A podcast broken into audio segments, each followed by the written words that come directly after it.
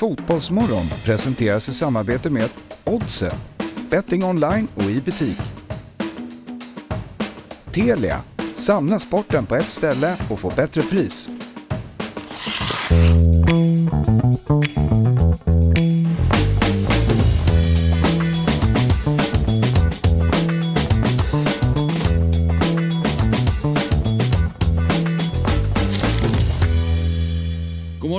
Och hjärtligt välkomna till eh, Fotbollsmorgon nummer 136. Eh, denna onsdag så sitter jag, eh, Axel Inslander, här i studion tillsammans med Per Frykebrant, Anders Timell och Filip Gadd. En oerhört trevlig konstellation eh, tänker jag på, på förhand Filip. Ja, jag säger som Bojan Djordjic. Vem var det som tackade nej? Jag försökte. du är släkt med Erik? Eh, ja, det är jag. På eh, rätt långt håll faktiskt. Tog honom, Ja. Jag träffade honom på, eller sprang in honom på Rish för några månader sedan. Hela mitt liv så har jag funderat på, är vi släkt på riktigt? Så gick jag fram till honom, jag tror han var lite full. Och så sa jag, jag heter också Gadd i efternamn. Är vi släkt? Så sa han, ja det är vi nog. Så ja, jag kör på det. Klädmässigt är ni ju inte släkt. Nej, vadå, hur klär han sig? Han är ju lite mer, eh, han kallas för prins. Vi gick i skolan ihop eh, på Östra Real. Är det han är ju gotlänning från början så flyttade han upp till Stockholm. Eh, och är ju Sveriges lilla solkung på något sätt. Eh, eller, ja, Ja, men det är han. 80-talets, 90-talets kanske. Men eh, han är otroligt intresserad av kläder. Det menar jag inte- Till, till skillnad från mig då. Det är mer en allsvensk fotbollsspelare skulle jag säga. Ja, det är min stil. Ja, det, är- nej, det tror jag ingen av oss, om jag skulle slå ihop våra garderober, skulle vara nära. Nej, nej. Men, men då vet du alltså inte hur liksom, långt ifrån släkt är man. Du har, han har bara Nej. sagt till dig att vi är släkt. Ja, exakt. Han var, han var lite salong så sa jag visst. Liksom. Han ville bli bra med mig Ja, och du har byggt hela din persona Så är det Ja. absolut, 100 procent. Och att jag ser ut som en allsvensk fotbollsspelare. De två sakerna jag har. Jag gick faktiskt också på Östra Real. Förlåt? Jag gick faktiskt också på Östra Real. Jaha. Är det sant? Ja. kan vi bonda lite Jag är en av de få där som eh, har en tavla, alltså jag är upphängd, alltså eh, kända människor som gått där. Det är jag, Carl Bildt och Katrin Zytomierska. Så att det, är- det är lite blandat. Men fick inte Katrin er- håller en egen eh, nivå där. Men fick inte Erik Gadd en sån? Han är Det ju kanske han har också. Ja. Borde han han ju i så två år i fall. social. Eh, kommer jag ihåg. Jag gick tre år i humanistisk, lite mer lärd. Ah, det är jävla skillnad där. Ja. Nej, jag har ingen tavla. Nej. och, Än. eh, och jag, har inte, men jag har inte sett de här tavlorna heller. Var hänger... Andra våningen. För jag tittade Finns de? När jag fyllde 50 fick jag veta Ah, det okej. där, några Okej. år sedan. Mm. Eh, Då gick jag upp och kikade just på min födelsedag faktiskt, när jag fyllde 50. Och då hängde de där. Ja, de kanske hängts upp Det är alltså, efter att jag lämnade. Ja. Och lite olika epitet. Vilken dröm. Ja. Men hur många gaddar finns det i, i Sverige? Vet du det? Ja, det är väl jag och Erik då. nej, vi är inte jättemånga, men vi är rätt starka. Ja. Vi, vi håller oss starka. Ja. Eh, nej, det är inte jättemånga. Ingen jättestor släkt. Jag får ofta frågan också om just Insulander. Det finns ju en känd advokat, Lotta Insulander, eh, som många frågar om vi är släkt. Eh, Daniel Insulander var med i typ den första upplagan av Robinson. Var, eh, kro- han var typ, eh, jobbade på Cliff Barnes. Ja, Eh, känner- ja, ja, Han är en ja. restauranglegend. Det är det jag tänker, att Ja, ja, det kanske ja. du har Coolt. koll Det på. var när Cliff... Ja, det var, han jobbade även eh, nere på eh, i Berzelii park också. Okej, ja. Ja, Mm. gjorde han. Men Cliff Barnes var ju inte coolt. Ja, ja, verkligen. Men, uh, han gick ganska långt. Vill jag. Vi satt där hemma framför tv. Jag, jag har aldrig träffat, träffat honom. Men det var ändå, vi är typ kanske 100-150 Inslanders. Så jag kände ändå... Det låter ju som ett läkemedel med ja, jo, absolut, absolut, det gör det Det, verkligen. i, I Karlstad är det en läkarfamilj tror jag. Ja, Okej, du ser. Mm. Men, vet du vad det betyder? Nej. Öbo. Ah. Ah. Det är, Ah. Ni har ju liksom peninsula, Ah, ah, insula, det är insula, insula. Ah, så, mm, där har vi det. Ja. Ja, men eh, Per och... Ma- eh, Per och Martin? Per och Anders. Anders. Ja. Många säger man. Ja, okej. Ja, det får man. Ehm, ni har varit med tidigare, men Filip, det är första gången för dig i fotbollsmatch. Ja, det stämmer. Ja. Som sagt, vem tackar nej? Ingen, du är varmt välkommen. Ja, tack. Ehm, men jag tänkte fråga dig bara liksom din fotbollsbakgrund. Har du spelat fotboll? Ja, det har jag gjort. Har du Eh, lag som du håller på? Ja, men jag har ju spelat division 5-fotboll. Mm. Det var där jag nådde. Eh, tills jag var typ 20. Och sen så, ja, sen sket, det- sig. Vi gjorde andra grejer i livet helt enkelt. Nu har jag gått över till det där och börjat spela division 5-fotboll igen. Stockholm, Sedan ett år tillbaka. Ja. Noah Bachner som Ja. brukar hänga här. Han är ju ordförande i den klubben där jag spelar. Jag tror att han har varit på Ja. att, att du ska börja spela. I Ljungbacken? Ja, exakt. Ja. Absolut. Där är jag en väldigt begränsad yttermittfältare. I det division något 5. om fotbollsstandarden i division 5? Att du har Ja. kommit tillbaka efter några år och färgar in igen? Ja, verkligen. Ja, det, säger, det säger mer om division 5 än om mig, skulle jag säga. Ja, ja. Ja, men du är inte sugen på att komma? Då? Jo, det är lite sugen jag. Men eh, jag la ju skorna på hyllan nu i höstas. Så jag känner att jag behöver bara lite break innan jag klev på igen. Ja, jag, jag- lämnade ju nyss ett division 5-lag eh, för att jag skulle slippa spela fotboll i division 5. Va? Men Noah är så, var så mysig när han liksom bjöd in mig och Mm. eh, presenterade projektet. Det Men finns var- inget projekt. När man ska gå Det är det tillbaka till division 5 då måste man ändå haft ett uppehåll på så här, fem år. Ja, Innan man känner att det liksom är... tre månader. är- Nej, det, det, det är för kort. Nej, det är kort. Nej, nej. Det kvalificerar inte in som en comeback. Nej, exakt. För Då menar, är ju- har man bara ångrat sig. försäsongen i division 5 är ju det jag absolut inte vill vara en del av. Nej, det är träning ikväll klockan 21 i Spång. Jag är inte sugen på. Jag bor i Årsta, det är en bit. tiderna. För jag kommer ihåg när jag bodde på Rörstrandsgatan. Eh, och då kunde man titta rakt över upp mot Stadshagen. eh, under, eh, s- alltså, när det inte var lövade träd. Och då såg man hur det kunde röra sig där uppe. Alltså vid, vid 22.30 typ, 23. Folk hade alltså, tränade då. Både dam och herrar tror jag. Det var rätt häftigt det där ibland. Vilken, den där kraften av att göra det. Och tycker också Vasaparken var ett bra exempel. Jag, jag har aldrig varit med om nästan att jag åkt förbi där utan att det är någon fotboll som är i rullning, att någon lirar och har kul. Nej. Det är, rätt, det är coolt. Ja, verkligen. Nej, vi hade ju träningar tisdagar och onsdagar 20.30 till 22 väldigt många år. Så att jag har inte sett en Champions League-match på liksom, eh, hur länge som helst. För det var ju, då började man också 20.45. Så nu när de börjar 21 kanske man hann hem till sista halvtimmen. Men då var det bara så här, ja. Jag jag gör ju ingenting eftersom du håller på bajsa då. Nej, precis. Nu spelar det ingen roll. Men det var ju lite stora program nu skulle jag ju kunna se det. Jag såg ju matcherna igår till exempel. Är det därför du la av med fotbollen? För du ville fokusera på Champions League? Ja, precis. Nej, det var mest bara jag kände att jag, det kom ingen vart riktigt. Vem gör det? Nej, precis. Men eh, hade också träningar 21.30 till 23 under en period på Skytteholms IP. Då var man hemma, då bodde jag också längre bort. Så var jag hemma kanske vid så här 12, halv ett om man misstajmade med bussarna liksom. Det är ganska sent. Ja. Och så ska man sova eller varva ner. Och Ja. ja. Det, ja. Du hade inte så bra betalt heller då, division. Nej, det var, det var absolut inga pengar in. Lite som jag har här. och där är ändå division 6. Ja. En Ramlösa kaffe. Nej, precis. Men eh, vi har ju eh, fastnat lite för temadagar i de senaste avsnitten och idag så är det faktiskt geléhallonets dag. Det är därför vi har den Är det sant? framför oss. Ja. Wow. Hur kan det inte vara det på alla hjärtans dag? Geléhallonens Ja. dag. Hur kan de vara så dumma i huvudet och sätta dagen efter? På riktigt. Det är som att de tänker att alla hjärtans dag är väl bara alla hjärtans dag. Att de inte känner att gelé, det, skulle liksom falla lite skuggan av alla hjärtans dag. Så de tar dagen efter. De är kanske i och för sig smarta då för att de tänker då att det kommer vara så mycket efter dagen efter. Mm. Och då kommer ingen vilja köpa det. Mm. Ja, då placerar vi det ja. hallonens dag. Så li- Det är nog där. Geléhallonat är ju ett, en godis som jag liksom på senare år har lärt mig uppskatta mycket mer. Alltså, färska geléhallon är ju det bästa godiset som finns. Alltså här bara på, på Ejes eh, choklad, liksom. man går in och man köper lite, lite färska. Det är ju, ja, men det finns inget som slår det. Nej. Eh, så det, jag vet inte, det, De det kanske är är ett ålderstecken att man börjar ranka geléhallonet väldigt Men högt. med en bra salivavsöndring så går gamla också att lösa upp. Det är ganska trevligt på landet. Det hör till liksom. Ja. Det Det är både ligger, det ligger i munnen länge. Mm, Liksom. Ja, Ja, bara ja. här. Ja, precis. Ja, men vad bra. Mm. Men så är det idag i alla fall. Det är eh, geléhallonets dag. Eh, Men Filip, innan vi eh, lämnar dig som person. Du jobbar ju på Expressen. Ja, det stämmer bra.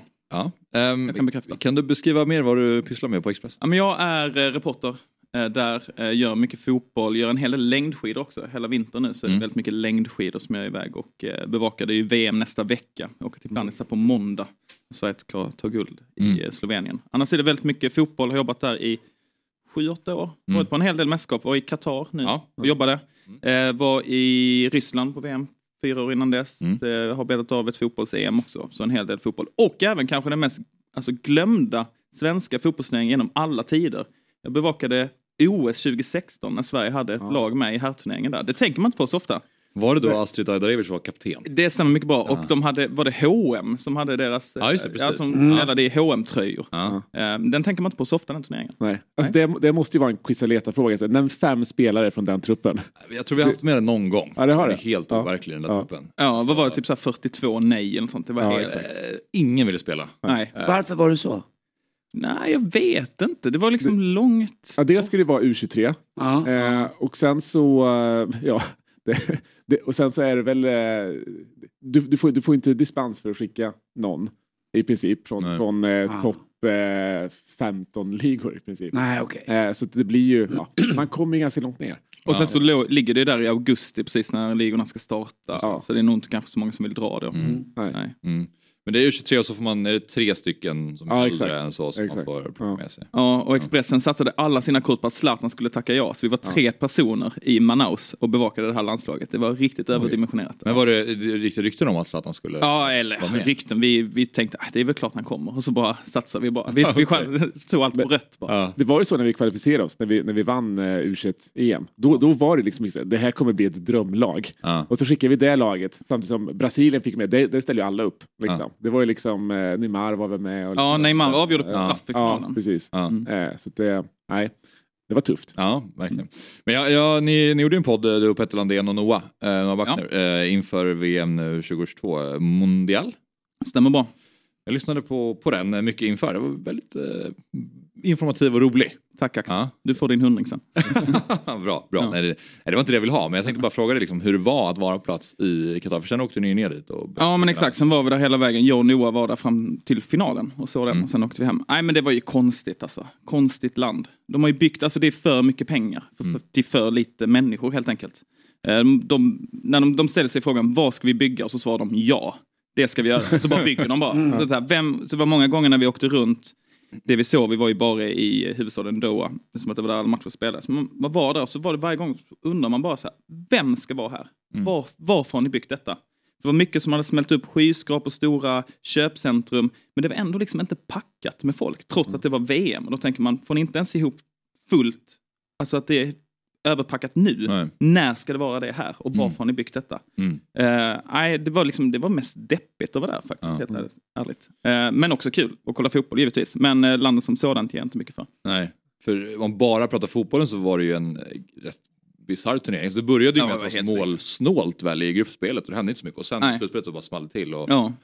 Allt möjligt hände. Ja, men det var ju som att alla lag nästan liksom sket i det första och andra matchen. Eh, och sen tredje, sista omgångarna var ju helt sjuka ju när det svängde fram och tillbaka. Det var mål hit och dit och målskillnadsaffärer. Och sen, ja, finalen var ju också helt sinnessjuk. Hur, hur var det kvällstid på restauranger och så här? Var man, sågs man supportrar och man var ute och tittade på något sånt här? Hur, Ja, vi var ju mest på matcherna på kvällen då, så vi såg liksom inte så mycket av nattlivet som sådant. Liksom. Men min känsla var nog att det var mycket mindre folk än vad de hade räknat med där på plats. Liksom. Men det går de såklart inte ut och säger. Liksom. Det, var ju, det var ju halvfulla läktare många gånger på matcherna i början och sen efter typ en halvtimme så var det helt plötsligt fullt ju. Och det visade sig ju då att då släpp, släppte de ju in eh, volontärer helt enkelt när det fanns platser. Liksom, eh, som försökte hela tiden eh, täcka upp det här lilla minifiaskot som det, som det ändå var. Eh, men nej, det var, inte, alltså, det var inte så mycket folk generellt sett. Nej. Som jag trodde att det skulle vara. Speciellt då när allting är packat i en stad. Man tänker att här, det kommer att vara liksom kaos för att alla världens fotbollssportare ska vara en liten huvudstad. Men nej, det var inte så. Nej. Nej. Fick ni den bilden när ni satt hemma också? Eller var det bara vi på plats? Eller fick ni... För att Fifa vill ju liksom förmedla bilden av att det var superfest. Jag tror man genomsyrades av den där känslan du pratar om. Att det här, det här är inte på riktigt. Hur kan de smälla upp så här stora saker? Att det var liksom, man förstod att det här var bara ett luftslott egentligen. Men man vill ju se fotboll. Jag tror att det var det. Den känslan vann ju till slut. Och turneringen blev ju lite så också. Eh, De här sista matcherna gjorde att konstigt nog fotbollen vann. Eller inte konstigt men det blev ju inte bra för att de fick ju lite extra reklam då. Qatar som land. Det är precis som de ville. Ja, nej, precis. Nej, alltså, jag tror att vi i Sverige genomskådade det nog. Eh, för att det var liksom, den rapporteringen var väldigt närvarande i samband med matcherna. Sen så tror jag att kollar du, det, det är i princip det är Skandinavien som har varit väldigt kritiska mot VM. Jag tror kollar du utanför där, då har nog ganska många känslan av att det var ett fantastiskt mästerskap med, med bra stämning. Ja, och sen är det väl också lätt för oss i Sverige att liksom vara lite kritiska mot det när vi inte är med heller. Liksom. Alltså det är rätt lätt att säga, äh, det, där vill vi ändå inte vara, liksom. det här är ett skit. Liksom. Men Exakt. det hade varit intressant i ett parallelluniversum att se hur vi hade Ja. reagerat om Sverige hade varit med. Liksom. V- VM 2030 i Saudiarabien, det kommer vi tycka är toppen. Ja, ja, helt fantastiskt. Så bra stämning. Vilket land. Ja. Jag tyckte det var lite svårt att få en bild av hur mycket folk det var på plats. För att vissa matcher så var det ju mycket folk på läktarna och det kändes som att det var högljutt. Och sen, det varierade så mycket och även bilder som man såg utanför arenorna. Så var det ibland så kablades det ut bilder på att det var folkfest och, och ibland så var det öde. Så att det var svårt, jag hade ingen riktig känsla av hur det faktiskt var. Nej, och generellt sett så kan man väl säga att det var Alltså det var ju länderna från arabvärlden, deras landslag hade ju stort följe. Okej. Och även eh, från Sydamerika, men liksom europe, de europeiska landslagen hade extremt lite support på plats också. Eh, kanske också säger om liksom, ja, Qatars eh, liksom, eh, image i världen, var den har satt sig. Liksom. Men, Tror du att det hade att göra med liksom rent det geografiska läget eller också väldigt mycket visumregler? Jag tänker den typen av länder som fick ganska mycket liksom, supportrar på plats är länder som annars har ganska tuffa liksom, visumregler i de länderna som har haft VM eh, tidigare, i alla fall när det varit här. Kan det ha spelat in också? Att det liksom kanske var en, en positiv effekt? Ja, säkert och att det var ju närmare också rent geografiskt ja. som du säger också för många av eh, liksom landslagen åka dit än när liksom, det var VM i Japan, Sydkorea eller jag vet inte. Mm. Eh, så det är väl klart, det är väl någonting som är positivt i alla fall och det vill ju Fifa också lyfta fram väldigt mycket också att det var ett historiskt VM i och med att det arrangerades i ja. arabvärlden. Mm. Det måste du blunda för. Vilken var den bästa matchen du fick se på plats? Ja men det är finalen ju. Ja. Mm. Självklart är det ju finalen ju. Alltså det var ju helt stört ju. Det var helt stört. Jag och Noah satt och tittade, såg ju matchen och satt bredvid varandra. Det var många gånger vi bara tittade på och bara skakade på huvudet. Liksom. Noah satt och försökte trycka ihop en krönika som han skulle dra ut på slutsignal. Liksom. Jag bara såg flera gånger han bara liksom ställde sig så på, på tillbaka-knappen. Så, Nej det blir inte det här heller liksom. Och sen så började han skriva igen och sen blev det 1 till. Så, matchen, det var stämningen på läktarna för det var, var det 90% Argentina? Ja det var bara Argentina i princip. Ja. ja. Och, och verkligen, och då även de som inte var Argentina höll ju på Argentina också. Mm. Det var ju typ ja. ingen som ville att Frankrike skulle vinna. Alla ville att Messi skulle vinna. Så var det ju. Ja, det var helt, helt... Den där räddningen han gör på slutet. Ja, är helt den är helt, alltså jag tittar på den några gånger, det är helt sjukt alltså. Man får ut den där foten, den där galningen. Ja. Men han gjorde det.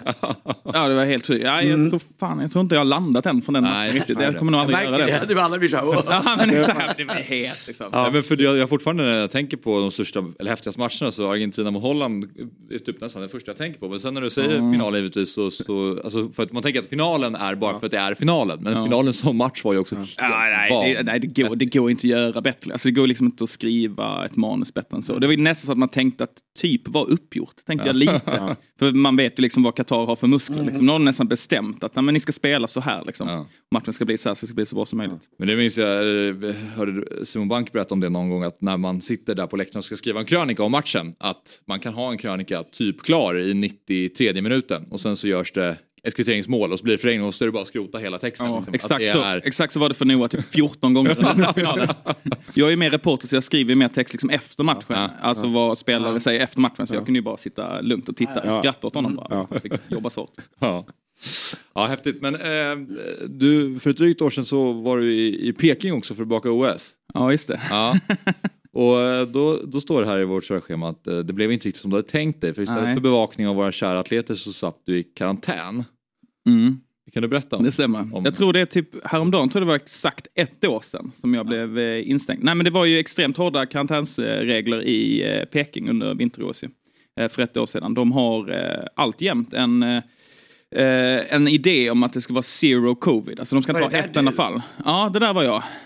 Det kommer jag ihåg den här bilden. Är det sant? Ja. ja, Den, den, den har etsat sig fast mer i minnet än VM-finalen. ja, ja, ja, ja, faktiskt. Ja. ja. Nej, men så, ja, det var ju stenhårda regler i, eh, i Kina och eh, man skulle dels då testa sig två gånger innan man fick resa in i landet, eh, två dagar innan. Eh, och så skulle man, det är negativt, sen så när man kom på plats skulle man också testa sig direkt på flygplatsen Sen ska man testa sig varje dag. Eh, och så var det en stor bubbla så att när man väl reste in i OS så kom man liksom inte ut därifrån. Liksom.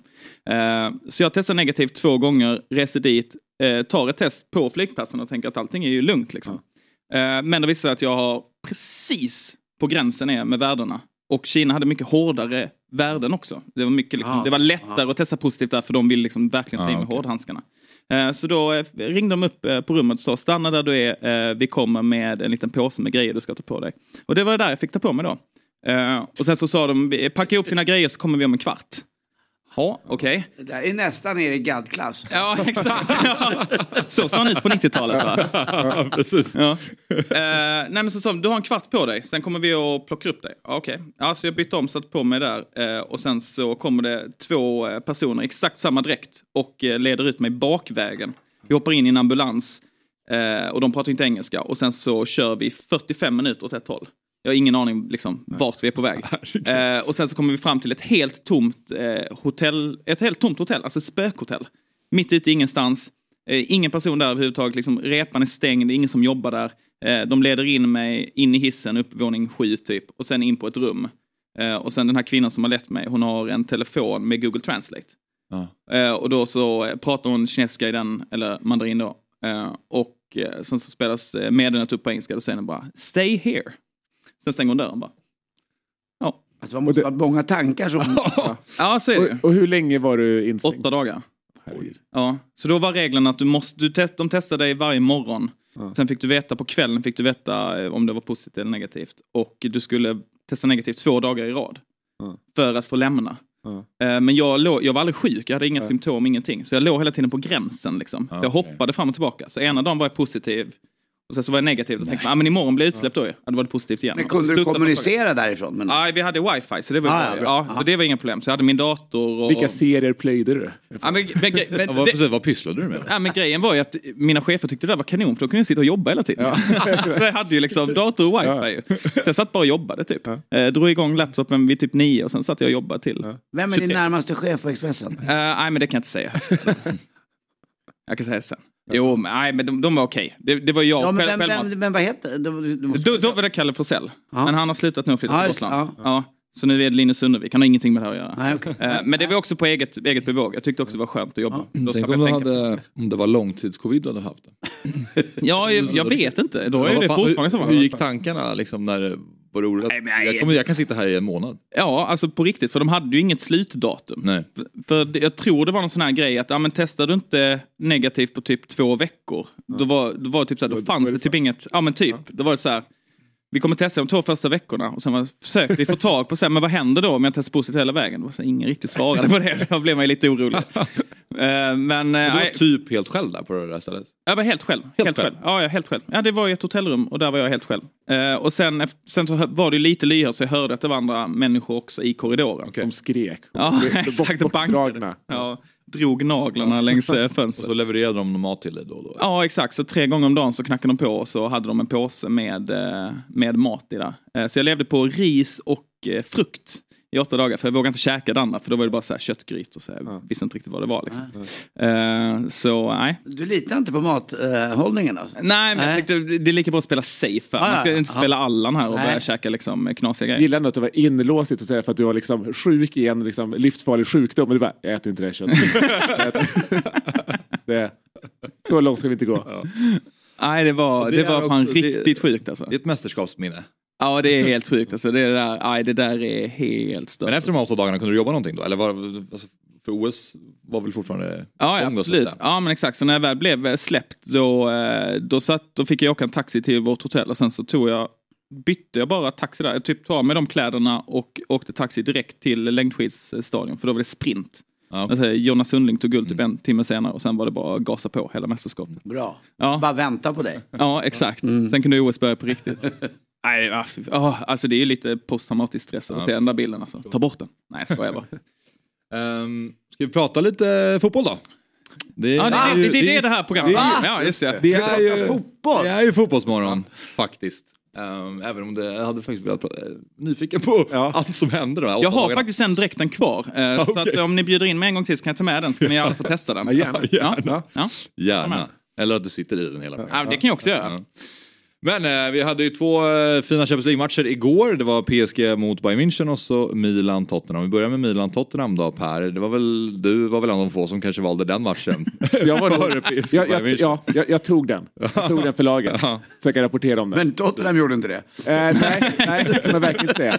Jag, jag gick ju in eh, som Tottenham-supporter, gick ju in i den matchen med tanke på den senaste veckan vi haft. Med liksom, jag satt där förra veckan och var ganska, ganska positiv. Eh, jag såg liksom oddsen på 17 gånger pengarna på att Tottenham vinner Champions League. Bara, Ja, men här, här har vi någonting.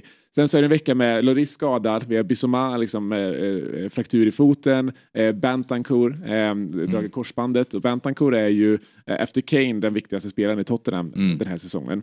Eh, så att man gick in i den här eh, matchen igår man kände att så här, ja, men om matchen bara lever till returen så är det bra. Och det gör den ju bevisligen. Eh, men det var ju en match där det var två riktigt dåliga lag. Alltså det var verkligen, det var El Clasico igår. det var eh, Milan som man trodde att, Mi- Milan hade ju liksom bättre lägen så på så sätt var det väl liksom rättvist med en 1-0. Hade kunnat bli 2-3-0 också sett till lägen. Eh, men det var två riktigt, eh, riktigt dåliga lag. Eh, Tottenham hade ju då Oliver Skip och eh, Pape Matisar på, på mitten. Ja. Eh, så det var lite, lite trend igår, matcherna, att ha lite, lite, lite Ja, yngre det. eh, mittfälts, eh, eh, talanger. Eh, och det är klart, så här, de gjorde det väl bra utifrån sina liksom, gamla de? perspektiv. Typ? Eh, Skip är väl 22 nu och, och Sarev är 19. Okej. Eh, men Sarri har aldrig spelat på liksom, Champions League-nivå. Så. Nej. Och de är väl bra för sin del, men det, det, det, det är så viktig position att säga, de, eh, de var inte, det var inte tillräckligt bra. Alltså, I den positionen när man spelar 3-4-3, alltså, allting hänger på innermittfältarna. Eh, och de är ju inte på den nivån, de bryter inte linjer, de, de distribuerar inte bollen. De, de gjorde det bra för att vara liksom, de de är. Mm. Då. Eh, och sen så var det ett, eh, som vanligt ett, ett haveri bakåt och ett ganska mycket lika stort haveri framåt. Conte är ju, eh, dels är han en ganska usel Europatränare. Han, har ju inte, han får aldrig resultaten i Europa. Och han är också ganska dålig på att förändra matchbilder. Eh, och båda de två var väl ganska liksom närvarande igår. Något som var närvarande tyckte jag, jag var inne några minuter och tittade, jag hade jobbat kväll igår, jag tittade med på den andra matchen. Det var ju inramningen är ju den här klassiska Milano-kvällen. Ja, Det är eh, lite halvdimmigt och det är inte av någon eh, knallrök utan det är för att det, det ligger där nere. Ja. Det ligger, det, och det var kallt. Man såg det. Ja, man såg det. Och jag gillar det. Och läktarna var fyllda av välklädda italienska män och kvinnor som... Ja, det är någonting. Och det är så jäkla... Vilken, eh, det, det var ju en, man märkte också när målet gjordes vilken glädje det var. Och så. Men var, var matchen så dålig som du säger? Alltså? Ja, men jag skulle säga att det var en klassisk... Tittade ni? Jag, Nej, jag, jag såg. PSG Bayern München. Det var, det var en, ja, jag är den enda som kan säga hur den var. Ja. Eh, Du, du är också liksom subjektiv här så man får Ja. liksom, ja. Eh, nej, men det, det, var, det var en klassisk 0-0 match. Eh, alltså Milan, Milan får ju 1-0 väldigt tidigt, i femte minuten. Eh, sen så har de några lägen i slutet, alltså efter minut 80 som är ganska bra. Men däremellan är det inte, alltså det är så här, vi hade en bra hörna. Det var liksom, det var på den nivån det var. Eh, eh, Romero skulle haft ett solklart rött, jag vet inte om de visar det i studion. Ja, det, det har jag sett dock. Ja. Vilken Eh, galen spelare ja. Romero. Eh, Han är ju, jag har alltid tyckt att han ligger alltid så perfekt på gränsen tycker jag. Han tar ett gult för att han måste ta det och sen så håller han sig där. Och varje gång där han har liksom så här, ja men se- sex gula och, och man vet att han vid ett sjunde blir en avstängd, men då, då, håll, då kan han hålla sig där på, i liksom fem, sex matcher. Ja. Trots att han är en galning. Men nu de senaste matcherna, han fick ju ett rött här i förrförra matchen eh, mot- mot City. Eh, skulle ju haft ett rött nu. Så nu liksom, det är något, ja. Ja. Nå, något har gått där inne. Liksom. Ja. Så man inte riktigt kan lita på honom längre heller. Eh, och Det sen så- verkar som att du gillar det lite. Jag ser du är lite Ja, lycklig ändå. Ja, ja, absolut. Sen har vi Fraser Forster. Alltså vilken räddning det är på, eh, alltså dubbelräddningen där vid målet ju. Det, det är Ja. sanslöst ju. Den är den, den, den, är, den är fantastisk. I början, först när jag såg det tänkte jag att det här är en målvaktstavla.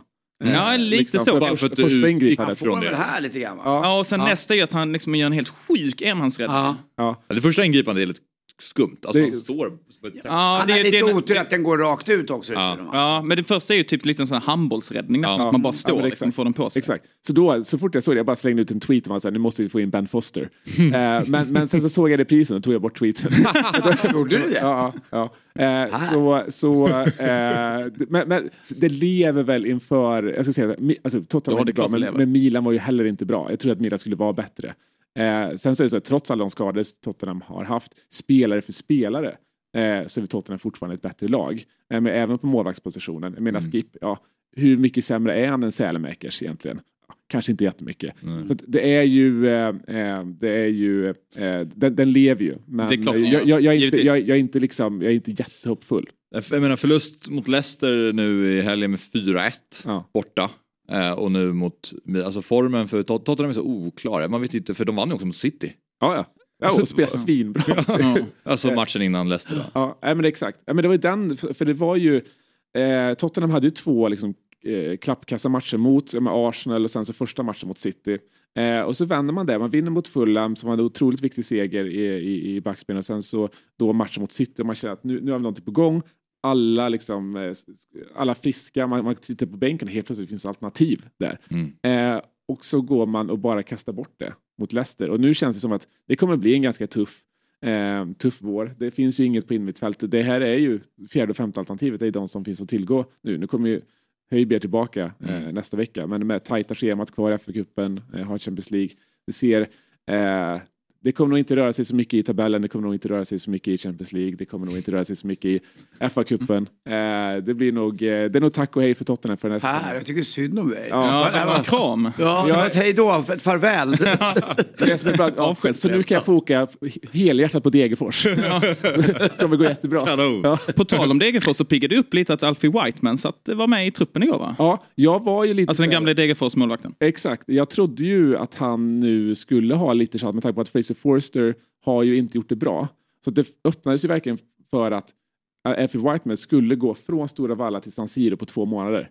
Och det hade ju varit, jag hade ju skitit i resultatet. Det hade ju varit liksom mäktigt. Jag tar en Hur gammal är han? Han är 23, om han har fyllt 24, 24, 24 kan han vara. Um, så han, han, han, är inte, han är inte en ung talang utan han är bara liksom, han har hängt kvar. Mm. Kommer han lånas ut igen till någon annan klubb eller? eller han kommer vara i Tottenham nu och sitta på bänken? Ja, han är väl inne, måste vara inne på sista, sista liksom, eh, tiden på kontraktet här. Det, det var lite snack om MLS så, men, men eh, jag tror nog att han sitter ut kontraktet. Men om man pratar lite ur ett svenskt perspektiv då. Zlatan mm. var ju inte med i Milans matcher på han har inte tagits ut i Champions League. Han är inte registrerad för Champions League. Mm. Um, så han spelade tyvärr inte. Dejan spelade ju dock. Mm. Hur var... Det känns som att han har en lite tuff ja, period just nu. Hade du frågat mig för ett halvår sedan så hade ju Dejan varit en mycket mer viktigare spelare än vad Bentancur i Tottenham. Ja. När, när Dejan inte har spelat så har Tottenham liksom sett bedrövlig ut framåt. Han har liksom varit Grejen med Dejan är att han är en extra spelare i alla lagdelar. Han blir en extra spelare i försvaret, en i mittfältet, en i mm. anfallet. Mm. Sen hans skada, så han har kommit tillbaka, så har han inte varit samma spelare längre. Så, och nu, igår blev han ju också eh, utbytt i 70 mot, mot Richarlison och jag förväntar mig att han blir petad nu mm. framåt. Så. Mm. Eh, vilket ju inte är ett bra betyg inför, inför kvalet här som drar igång. Eh, så Eh, men å andra sidan, jag menar början av säsongen såg det så ut också. Eh, han var petad för Richarlison, kom tillbaka, gjorde det bra, sen kom skadan lite olyckligt. Vad är det för skada han har? Eh, nej, han hade en skada, det var höften var det, mm. eh, som han hade.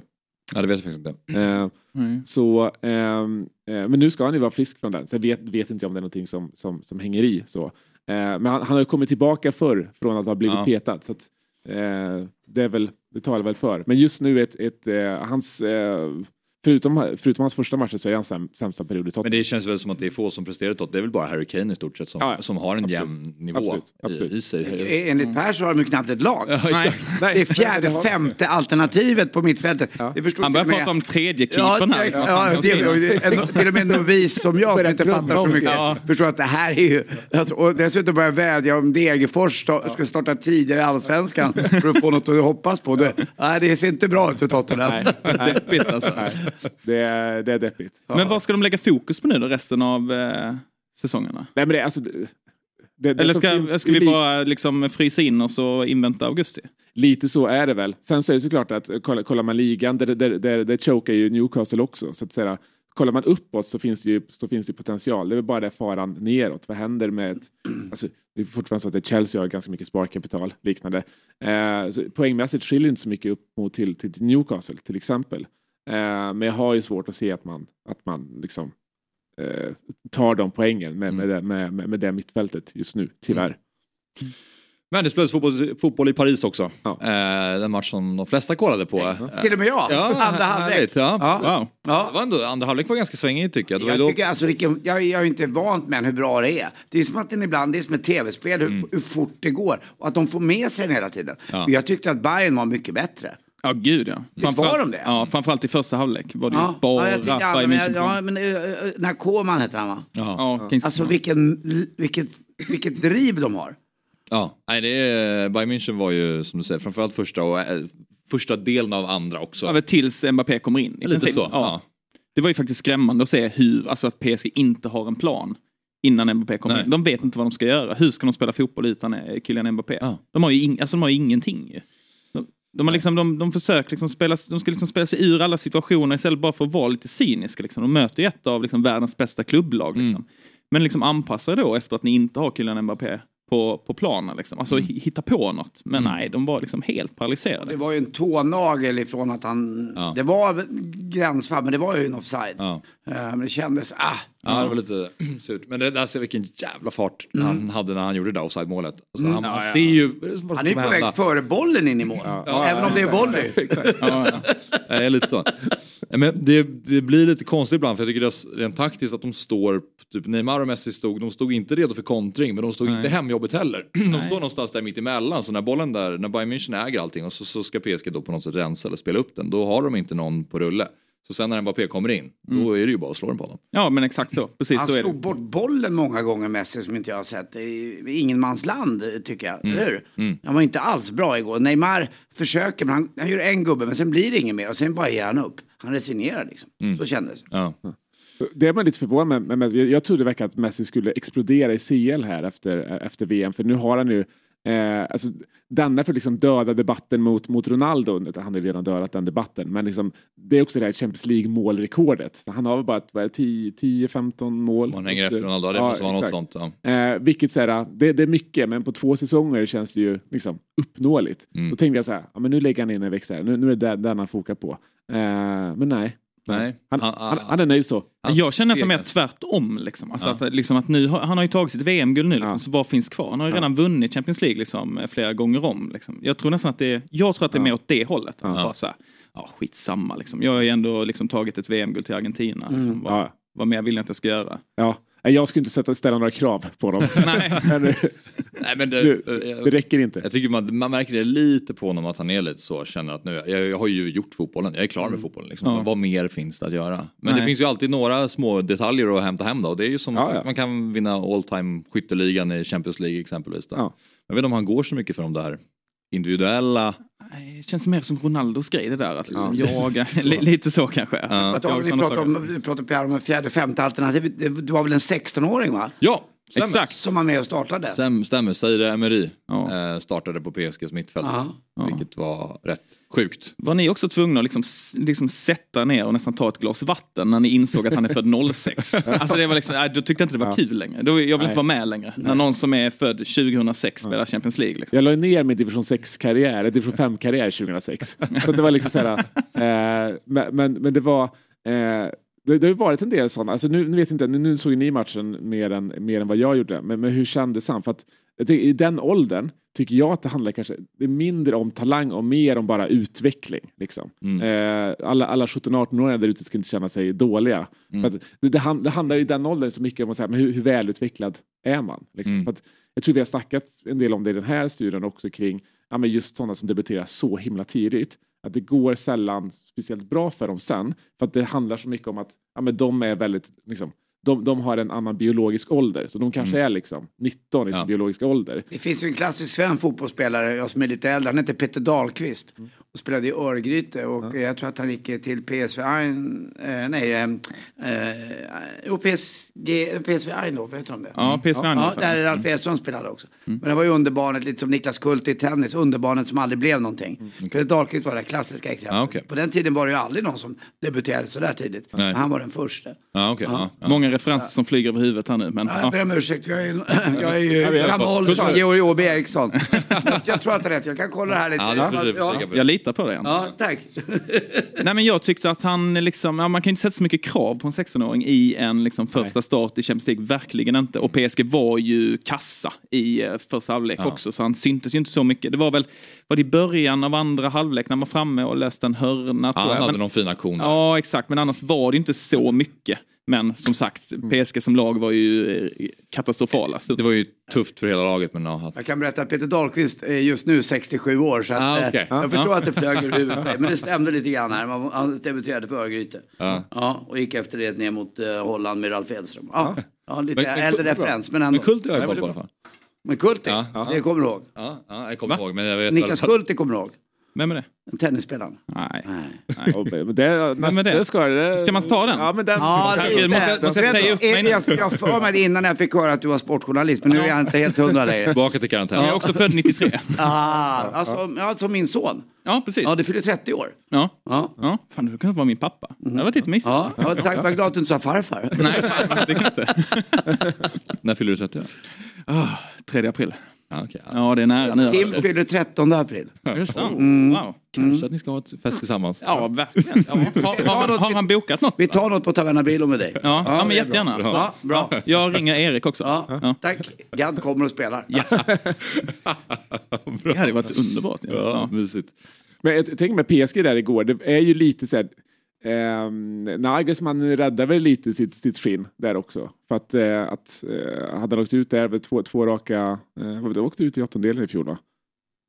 Uh, uh, gjorde de det? Ja, det gjorde de kanske. Tänker, ja. oh, shit, det var så länge sedan känns det där. Åttondelar kvart. Ja. ja. I tidigt vi, säger vi, vi, vi säger det för sak skull. Nej, hade han åkt ut nu så hade det varit, um, jag menar samtidigt, de hackar ligan och kommer vinna den ändå, men det kändes ju som att han med för jag, jag, ser ju, även om det liksom inte är avgjort, så ser man den ju som, som avgjord mm. nu. Så han, han räddar ju sitt, sitt skinn där. Ja. Eh, det blir mer intressant att se vad som händer med, med, med Galtieri i, i PSG, för nu är det ju eh, gjort bort sig i kuppen har ju liksom, eh, ja, kommer ju även vinna ligan, men det handlar inte om, om det för dem. Mm. Eh, så det, det blir inte liksom, intressant att se hur, hur snabbt de agerar mm. på, på det här. För att det är ju alltså, enormt missnöjda och stora protester eh, i liksom PSG-campet. Mm. Eh, trots att de, ja, de är kvar i Champions League, de, de kommer vinna ligan, men ändå. Liksom, är det... Ja, jag minns förra säsongen, då var jag och eh, Petter, tror jag det var, vi var på plats när det var Le Classique då var det direkt efter förra säsongen när PSG hade åkt ut Champions League. Och då var det stora protester även den säsongen. När eh, PSG-supportrar vägrade att stötta laget. Det är Marseille. Ja, förlåt, precis. Eh, Exakt, PSG Marseille. Ja. Jag måste bara veta lite. Ja, men det är bra ja, att du säger ja. det. Eh, då var vi där. Och det var precis efter de hade åkt ut förra säsongen. Och då var det också stora protester redan då mot eh, styret. Och eh, PSG-supportrar vägrade att sjunga och stötta laget. Och så, så det var helt knäpptyst på läktarna. Ja, ja. Ja, men någon, de har det tufft. Någon, känslan är att någon ryker. Mm. Alltså någon av de två. Ja, det är väl inte sen, sen kanske inte direkt efter, men efter säsongen. De åkte ut i kvartsfinal sa Viktor här ja. Eh, förra året. Då. Ja precis, PSG, ja, PSG. Ja, PSG rök väl mot Real Madrid va? Ja det gjorde ja, Efter den där sjuka vändningen. Sjuka matchen på Bernabéu. Ja. Sen Real Madrid vände mot alla lag. Just det. Jesper, vilka tror du vinner Premier League? jag tror faktiskt att Arsenal inte missar det här läget man har eh, skaffat sig nu i ligan, de ser alldeles för bra ut helt enkelt. Mm. Vad tror du om eh, Champions League? Nej, men det måste väl vara Citys tur då. I synnerhet då om ligan går till Arsenal så tror jag att det blir all in på Champions League och den här gången lyckas Pep. Mm. Ja, jag tror mer på eh, PSG. Jag tror att det är dags för Mbappé, Neymar och Messi att tillsammans eh, lyfta den där Champions League-pokalen. Så att, spännande blir det i alla fall och oavsett så blir det väldigt roligt att slutspelet drar igång nu den 14 februari. Och eftersom vi gör detta avsnitt i samarbete med Telia så vill vi passa på att berätta att slutspelet av Champions League ser man hos Telia. Dessutom är ju Premier League tillbaka hos Telia igen så nu kan du verkligen samla alla sporter, matcher och ligor på ett ställe. Och det här stället vi pratar om är ju den fantastiska tjänsten Telia Play. I appen Telia Play kan du streama alla matcher live eller i efterhand om du skulle vilja det. Ja, och förutom alla sportsändningar så kan du såklart se alla filmer och serier som finns hos Viaplay, Simor och Telia. Du kan också lägga till HBO Max utan extra kostnad. Ja, nu kan man verkligen samla allt innehåll från Viaplay, Simor och Telia på ett ställe. Dessutom ingår alla matcher från Allsvenskan ifrån Discovery+. Och priset då? Jo, det är kostnadsfritt i en månad. Därefter kostar det 749 kronor i månaden. Du sparar alltså över 500 kronor per månad jämfört med att köpa tjänsterna separat. Helt oslagbart. Tack Telia som är med och sponsrar Fotbollsmorgon. Poddtips från Podplay. I podden Något Kaiko garanterar östgötarna Brutti och jag, Davva, dig en stor dos skratt. Där följer jag pladask för köttätandet igen. Man är lite som en jävla vampyr. Man har fått lite blodsmak och då måste man ha mer. Udda spaningar, fängslande anekdoter och en och annan arg rant. Jag måste ha mitt kaffe på morgonen för annars är jag ingen trevlig människa. Då är du ingen trevlig människa, punkt. Något kajko, hör du på podplay. Därför är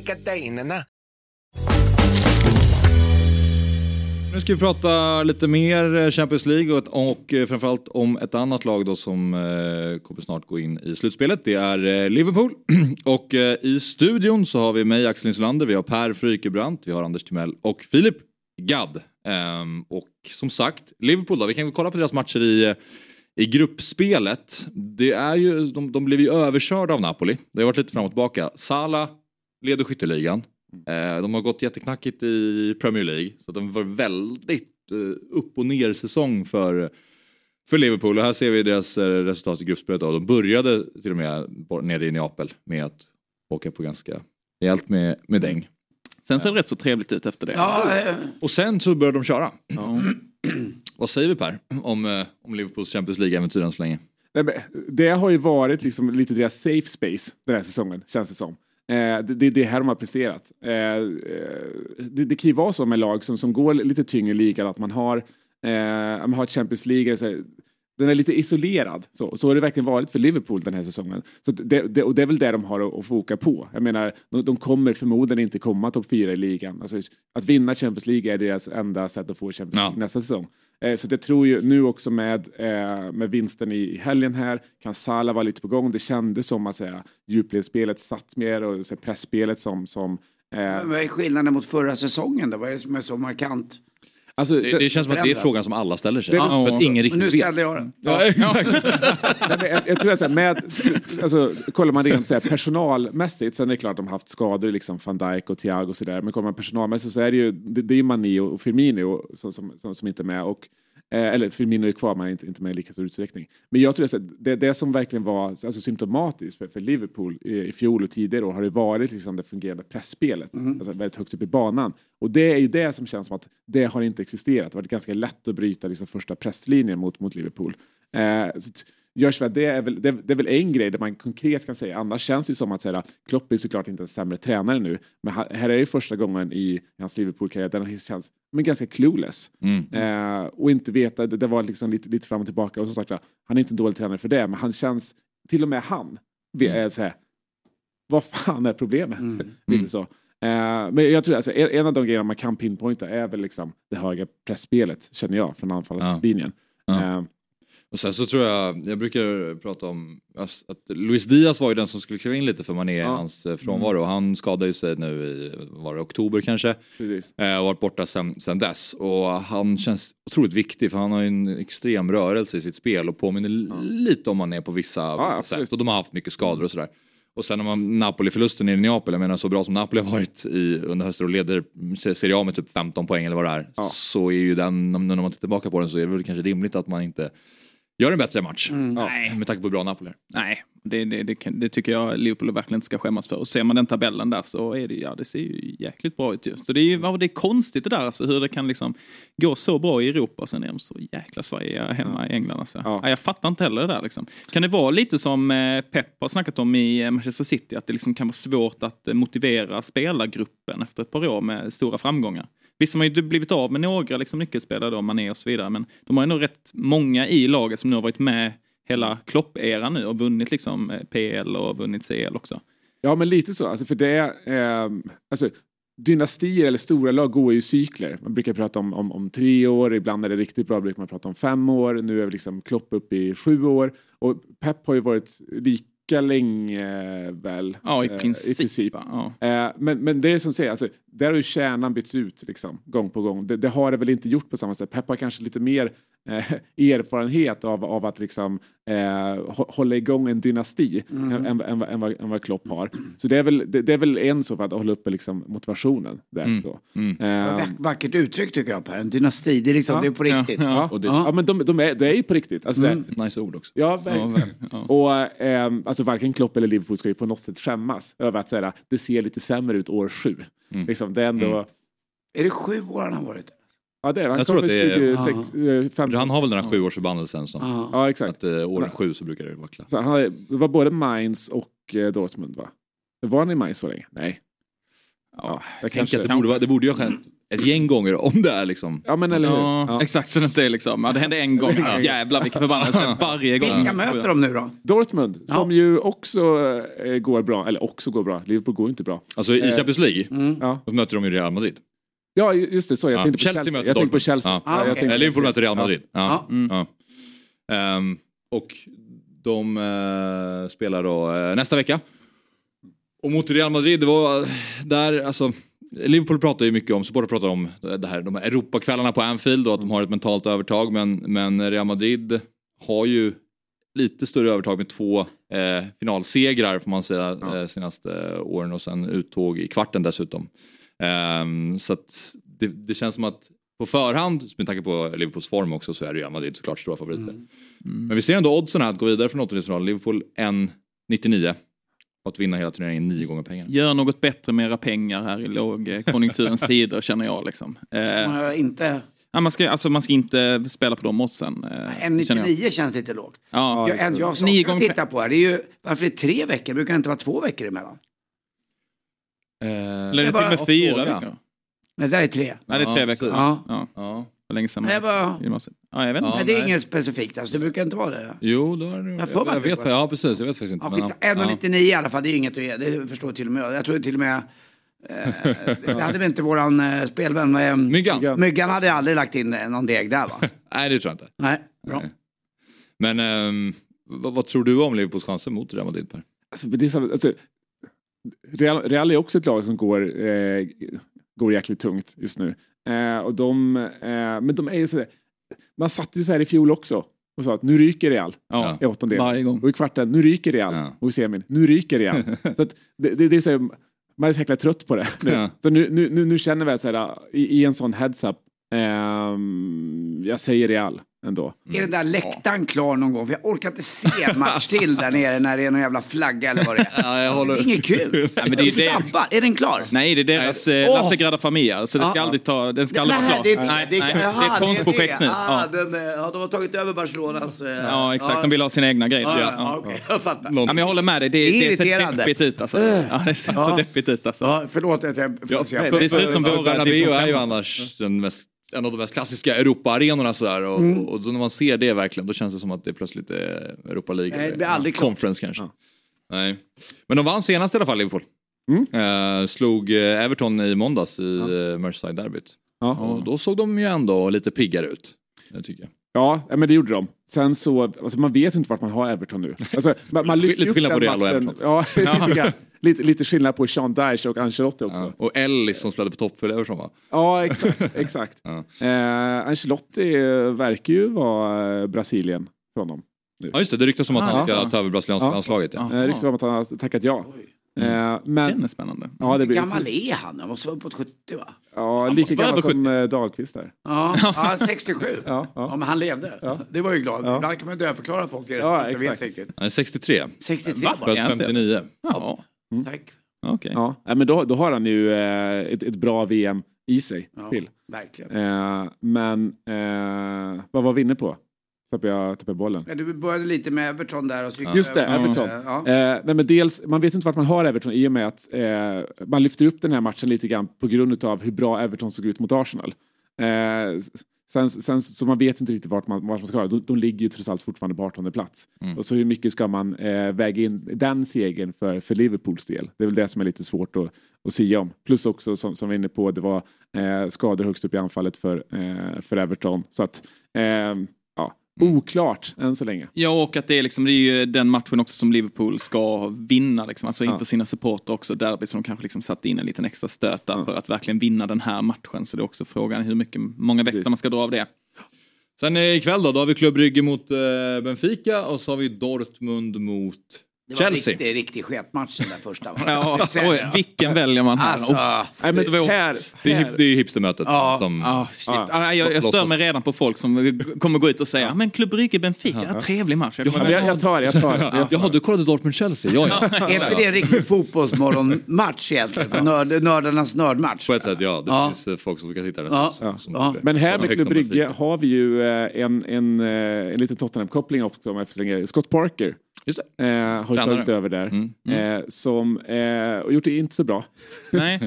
Var inte det konstigt att de bytte tränare när de gick vidare? Det var första gången Jo. någonsin de är väl i slutspel i Champions League? Ja, precis. Men de har ju gått vidare, är det ett misslyckande? då? Nej, men de han- bytte han tränare de sen bytte efter sen. det. Aha, Ja. då fattar Han jag. har gjort det, nu kommer jag inte ihåg hur många jag. matcher i ligan. Eh, Nej, han tog över på nyårsafton tror jag. Ja, precis.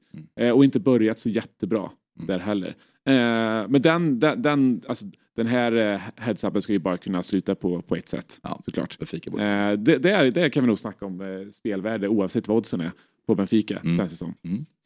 Matcherna i Champions League de finns hos Telia. Eh, Premier League är tillbaka hos Telia dessutom och de har samlat allt innehåll från Viaplay, Simor och Telia på ett ställe och dessutom ingår alla matcher från Allsvenskan från Discovery Plus också senare i vår. Så att eh, genom att samla sporten hos Telia så får man ett bättre pris. Vi har dessutom eh, tagit fram en, eh, ett schysst spel till alla er som lyssnar och tittar. Och på dagens kupong, då hittar vi, eh, apropå Benfica då, att de gör över ett och ett halvt mål borta mot Klubb Brygge. Sen har vi Dortmund-Chelsea under två och ett halvt mål. Och att City ska slå Arsenal. Eh, till 2.43. Och den här trippen landar då i 8.35 gånger pengarna. Ja, men jag gillar den. Jag tycker, jag är Manchester City supporter just att jag tar lite för egen sak men jag tycker att oddset är rätt högt på City Ja. då. Ja, Ja. Finns spelvärde där. Är du också Manchester City? Jajamän. Alltså jag, visste är, jag faktiskt inte. jag är ju en fattigmans Petter Landén på så sätt. Att jag är en skåning som jobbar på Expressen som håller på Manchester City. Fanns det inte plats på Kvällsposten? Nej, nej precis. Nej, utan vi fick komma upp hit istället ju. Okej, vi Ja. tar andra. Ja, precis. Ja. Ja, jag är en sämre version av Petter Landén på många sätt. Det är bara hårfästet som är bättre. Allt annat är sämre än Petter. Ja. Men det stämmer, ja, jag håller på Manchester City. Eh, Så 2.43, aj, det tyckte jag var... Ja, vad, tror du, vad tror du om matchen? Det känns som att... eh, nu vann ju City senast mot Aston Villa. Arsenals form är ju lite... Mm, det är det ju. Och, också. Ja visst, och eh, Arsenal hatar ju att spela mot eh, Manchester City. Mm. Eh, Manchester City är väl det enda lag som Arsenal inte har slagit på Emirates tror jag. Okej. Eh, sen de flyttade in dit. Eh, och tio matcher har jag för mig det, som City har utan att torska mot Arsenal. Eh, så att det är ju liksom ett lag som passar City rätt bra om man ser liksom historiskt sett. Och så är det ju alltid spännande det här med Arteta då, tidigare assisterande till Pep och så vidare. Att det finns den kopplingen också. Eh, så får vi se om Haaland eh, spelar ikväll då. Han var Eh, skadad eller? Ja, det, Han det vi inte vet. halvtid Nej. eh, mot Aston Villa. Ja. Ja, jag kan ju säga att jag har ju trippelkaptenat honom i fantasy så att han är skadad. Ja, härligt. Det kan jag garantera. Tack för den Per. Ja, bra. Nej, men han, det var, de fick ju en straff dessutom första halvlek Manchester City. Och det, Haaland har ju tagit straffarna när han var på plan. Men då var det Mahrez som klev fram och då var det också så här, okej, tog, tog han den inte för att han hade problem med någon baksida lår och inte ville sträcka sig eller vad Hur det var. kändes det med trippelbinden? Nej, jag, jag, satt, ja. jag visste ju när jag satte den att det här liksom, ja, Det, det är dömt att ja misslyckas. det är Ja. Men, men, men, eh, Men då, då köper du ändå 2.43, det är ganska Ja, bra. absolut. Ja, men det, det tar, även om det är bortaplan, visst, och eh, Arsenal leder ligan och så vidare. Som du är inne på så är ju Arsenals form lite sisådär. Och, Ja. och City vet ju att liksom, ska de ta ligan så måste de vinna den här matchen. Eh, De måste ju gå för det. Torskade mot Everton, kryssade mot Brentford nu senast. Mm. Så det är inte Ja. Det är roligt också tycker jag att det är så ovisst att det har hänt sådana saker i Premier League i år. Är inte det kul? Tycker inte ni det? Jo. Att det inte varit Jättekul som City-supporter, verkligen.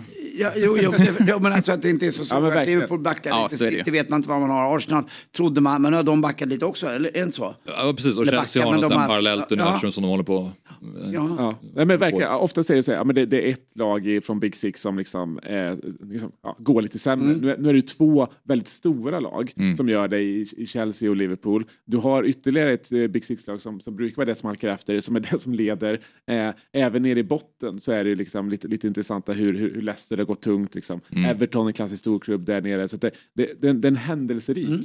Eh, Ja, det är en väldigt kul säsong. säsong på så sätt, Eh, verkligen. Och nu, alltså det är ju, eh, ikväll avgörs det ju lite grann. Så är det ju. Alltså vinner Arsenal den här så är det ju, då är det ju klart. Ju. Ja. Alltså samtidigt då som man ska också komma ihåg att Arsenal har inte vunnit, eh, liksom, har inte vunnit Premier League på en miljard år. City har gjort det hur många gånger som helst på sistone och har ju liksom, det är ju CL de ska vinna. Ja. Eh, så att eh, torska City denna så kan de ju typ vaska ligan och bara gå all in på Europa. Ja. Så de måste vinna ikväll. Ja, och som sagt Benfica tänker vi kommer ha en trevlig match borta mot Club Brygge och sen att det blir lite målsnålt då mellan Dortmund och Chelsea. Ja, den, den håller jag verkligen med om. Mm. Eh, det kommer nog bli målsnål, det kommer inte bli så mycket mål. Ja, det kommer inte bli några mål från Chelsea i alla fall. Så då är det så här, kommer Dortmund göra tre? Nej.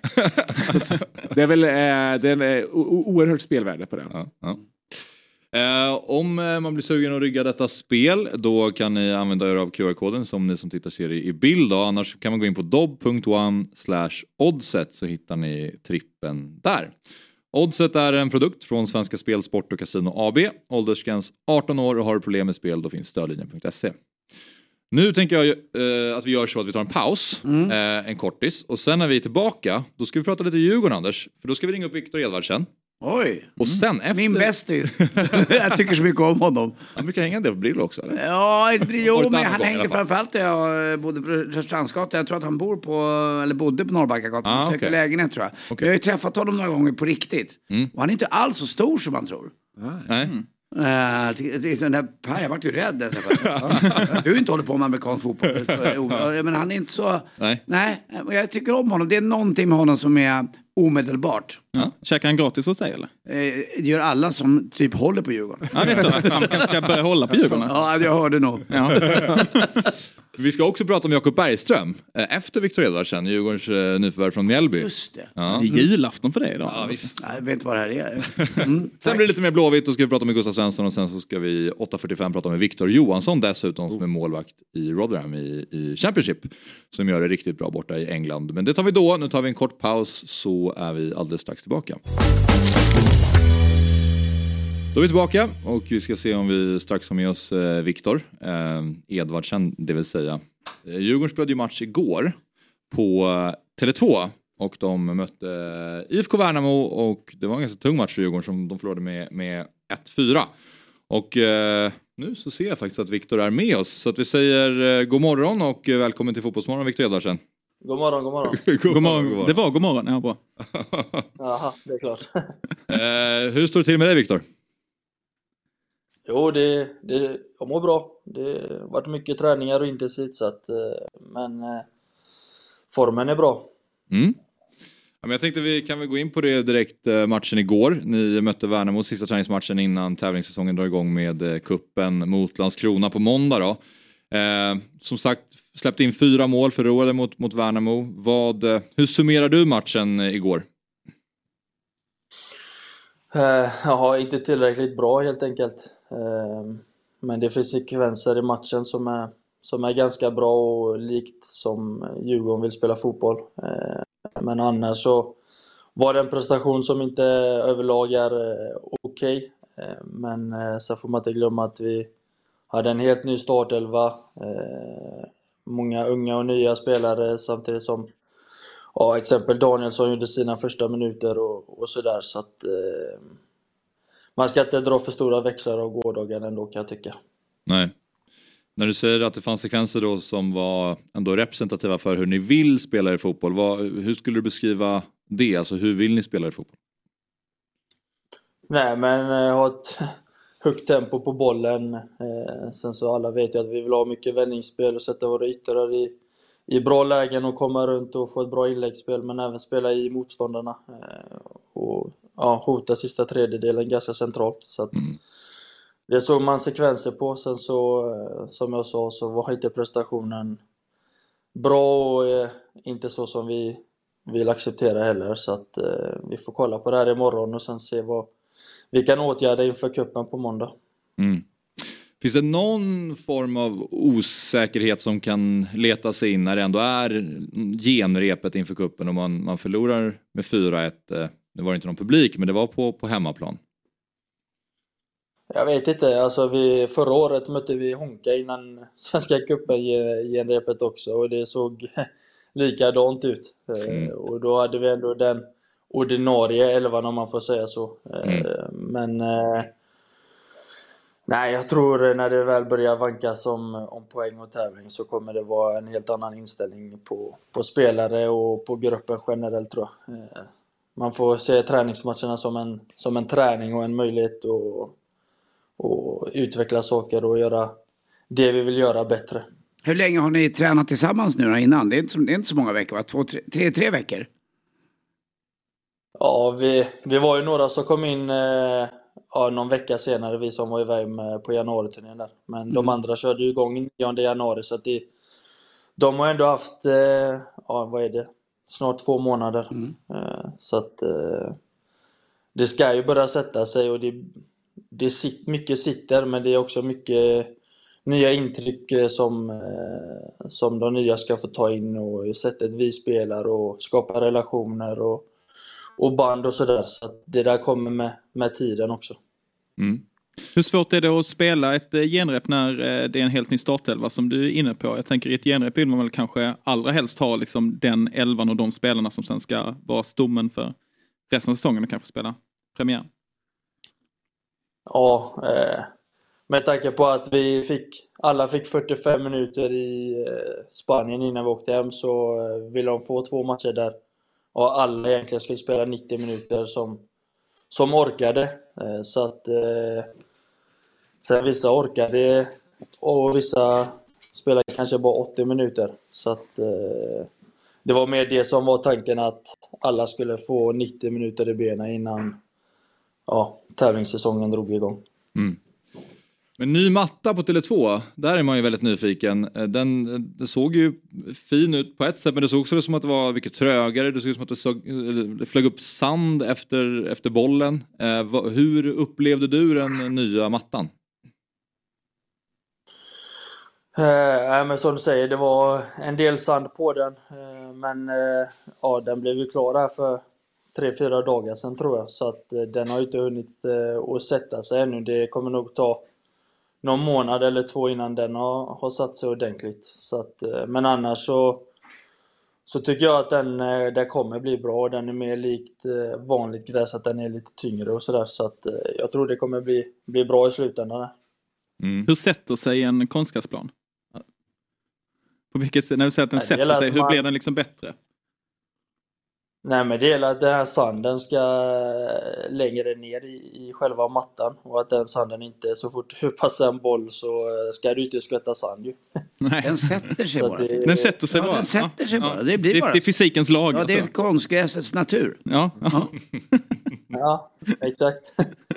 Så att, eh, nej men jag tror också att vi är ju tre lag som ska vara där. Jag tror AIK ska spela där också. Så att det där är ju bara bra kan jag tycka att, att planen då kommer bli bättre. Mm. Eh, IFK Göteborgs Simon Tern skrev eh, på Twitter angående den nya mattan och skrev så här. Det var på tiden, det blir spännande att se effekten för de lagen. Jag tror att det är en klart större fördel för oss än andra. Menar då att, att eh, Djurgården, framförallt tror jag, tolkar det som, har gynnats av den förra mattan. För att det, dels att ni var vana vid det men att det gick väldigt fort och att den var ganska hal på ett sätt eh, och att det här kanske då som du var inne på, är mer likt eh, gräs. Ja, vi får väl se eh, om, eh, om det gynnar de andra eller inte. Eh, jag tror att eh, vi kommer ju träna där en del nu innan serien och kuppen och allt det där drar igång så att eh, vi ska nog kunna lägga i våran växel på den planen också så att de kommer få det lika tufft. Kändes det mer likt gräs när ni lirade igår? Alltså det är egentligen lite tidigt att säga med tanke på att slår det en rak passning helt plötsligt kan den vika av till höger eller till vänster eh, mm. för att eh, den är så pass nylagd. Eh, så att det, det, är svårt att säga. Men vad vi fick för information om han som hade varit med och lagt mattan så ska den vara mer lik eh, gräs i och att det kommer vara lite tyngre konstgräs att springa på lite sådär. Mm. Många är Nej, titta! Oj, titta där. Här kommer hunden uppe i bakgrunden. Jag skulle som en apa först. Ja. Har du en apa med dig? Ja. Nej, men, ja, ja. vad, vad spanar den på? Nej, han brukar stå, eh, det är en skola här bakom så han brukar stå och kolla där. okay. Men du eh, Viktor, det är ju många som är nyfikna lite på hur Djurgården kommer ställa upp. Eh, nu, dels till kuppen såklart men även till den allsvenska premiären. Eh, laget känns ju ganska satt någonstans. Det har kommit in mycket nya spelare men känslan utifrån är att Kim och Tolle vet lite hur de vill, vet hur de vill spela med, vilka spelare de vill spela med. Förutom typ i anfallet då, att det är Asoro och Wikheim känns som att de har fått ganska mycket förtroende på kanterna och sen har Oliver Berg klivit in centralt. Du har spelat en del på kanten. Hur ser du på din egen roll i laget eh, nu inför den kommande säsongen? Nej, men jag ser det på samma sätt som eh, jag gjorde förra året. Eh, att jag ska spela längst fram och jag vill spela längst fram. Eh, sen att jag kan spela på en kant också och gjort det tidigare både till vänster och höger är ju bara en fördel. Eh, sen så eh, så vill jag vara, jag är anfallare eh, nummer nio så att det är ju där jag vill vara och, och konkurrera på. Eh, sen så, som du sa, så har jag ju spelat till höger nu en del under försäsongen och ändå gjort det ganska bra där. Eh, jag har nästan gjort poäng i, i varje match jag har spelat. Eh, så att eh, så länge jag gör det och, och jag springer och, och gör det jag ska göra så, så känns det bra för egen del. Sen så vad Kim mm. och Tolle väljer att göra, det, det får jag ju se då. Mm. Hur skulle det kännas om det skulle bli mer, alltså nu när ni har breddat truppen lite grann, mer rotation för din del? Förra året kändes det som att du fick mycket förtroende, spelade mycket, som du var inne på mycket, framförallt som, som nia. Dels att du skulle kanske bli lite mer roterad och dessutom hamna lite mer på, på kanten. Jag vet inte. Jag, eh, I så fall har det varit en lite ny situation för min del. Jag har ju spelat fotboll kontinuerligt nu i, ja, sen 2018 eh, och spelat nästan varenda match jag, jag orkat. Så att eh, det är klart att det hade varit en, eh, en ny del för mig om jag helt plötsligt skulle vara på bänken eller bli en rotationsspelare. Så att vi får se hur man skulle tackla det och det är svårt att svara på innan innan något har skett såklart. Men jag, så länge jag kör på och tror på mig själv och gör det jag ska göra så, så ställer jag ju frågor till tränarna med. Mm. Um, man är också lite nyfiken på de nya spelarna in i laget. Uh, vi har Wilmer Odefalk, uh, Lukas och Theo Bergvall bland annat. Uh, bröderna Bergvall har ju blivit ganska uppsnackade inför ankomsten till Djurgården. Hur har deras första tid varit i, i klubben? Nej men den har, har varit bra tycker jag. Eh, som jag varit inne på innan så eh, är det mycket nytt för dem. Eh, även fast eh, de är otroligt skickliga fotbollsspelare så är det Jag vet själv när jag kom in förra året när man är i en ny miljö och tempot är mycket högre än vad man är van vid och träningarna är mycket hårdare så att det har tagit på deras kroppar och känt att det var tungt ibland men samtidigt så har de gjort det väldigt bra och de lyssnar och försöker bli bättre på, på allting så att eh, de kommer nog få det ett, ett fint år och, och även år därefter tror jag. Känner du det här som du pratade om innan att inte bara spelet på plan som är viktigt där man sätter ett lag utan det är vid sidan av, det här sociala livet, att man är, att man är ett, ett lag tillsammans? Jo, men det är jätteviktigt. Eh, vi spenderar ju, om man tar förra året, spenderade vi otroligt mycket tid eh, med varandra och då gäller det ju att, att gruppen fungerar tillsammans, att man hittar på saker tillsammans. Det behöver inte vara värsta grejen. Eh, vi, förra året styrde vi någon middag här och där och vi var ute någon gång tillsammans och där och det är sådana grejer som gör att, ja som du säger, man blir starkare och man eh, ska ändå spendera mycket tid med varandra och då gäller det att gruppen fungerar. Vad ser du mest fram emot nu då Viktor? Svenska Cupen, Conference League eller Allsvenskan? Ja, alltihop egentligen men eh, det som ska bli intressant är nu att vi, vi måste komma upp i energi och i fart här nu och prestera bra fotboll för, för Europa som kommer där vi ska göra ja, egentligen våra två livsmatcher någonsin eh, för att ta oss vidare. Så att det ska bli otroligt häftigt att få, få uppleva det där. Och, eh, får se här nu om någon vecka eller två vilka vi får möta också. Så att, eh, det ska bli spännande. Känner du Viktor att ni på något sätt har liksom, eh, gjort en annorlunda försäsong eller jobbat på något annat sätt eftersom att ni vet nu att de här två viktiga matcherna i Europa kommer? Till skillnad från tidigare år när man liksom har kunnat trumma igång lite med kuppen och sen vet man att allsvenskan kommer där framåt mot april. Och med lite grann ändå, eh, rent eh, fysiskt och sånt måste vi vara i en helt annan fas än vad vi kanske...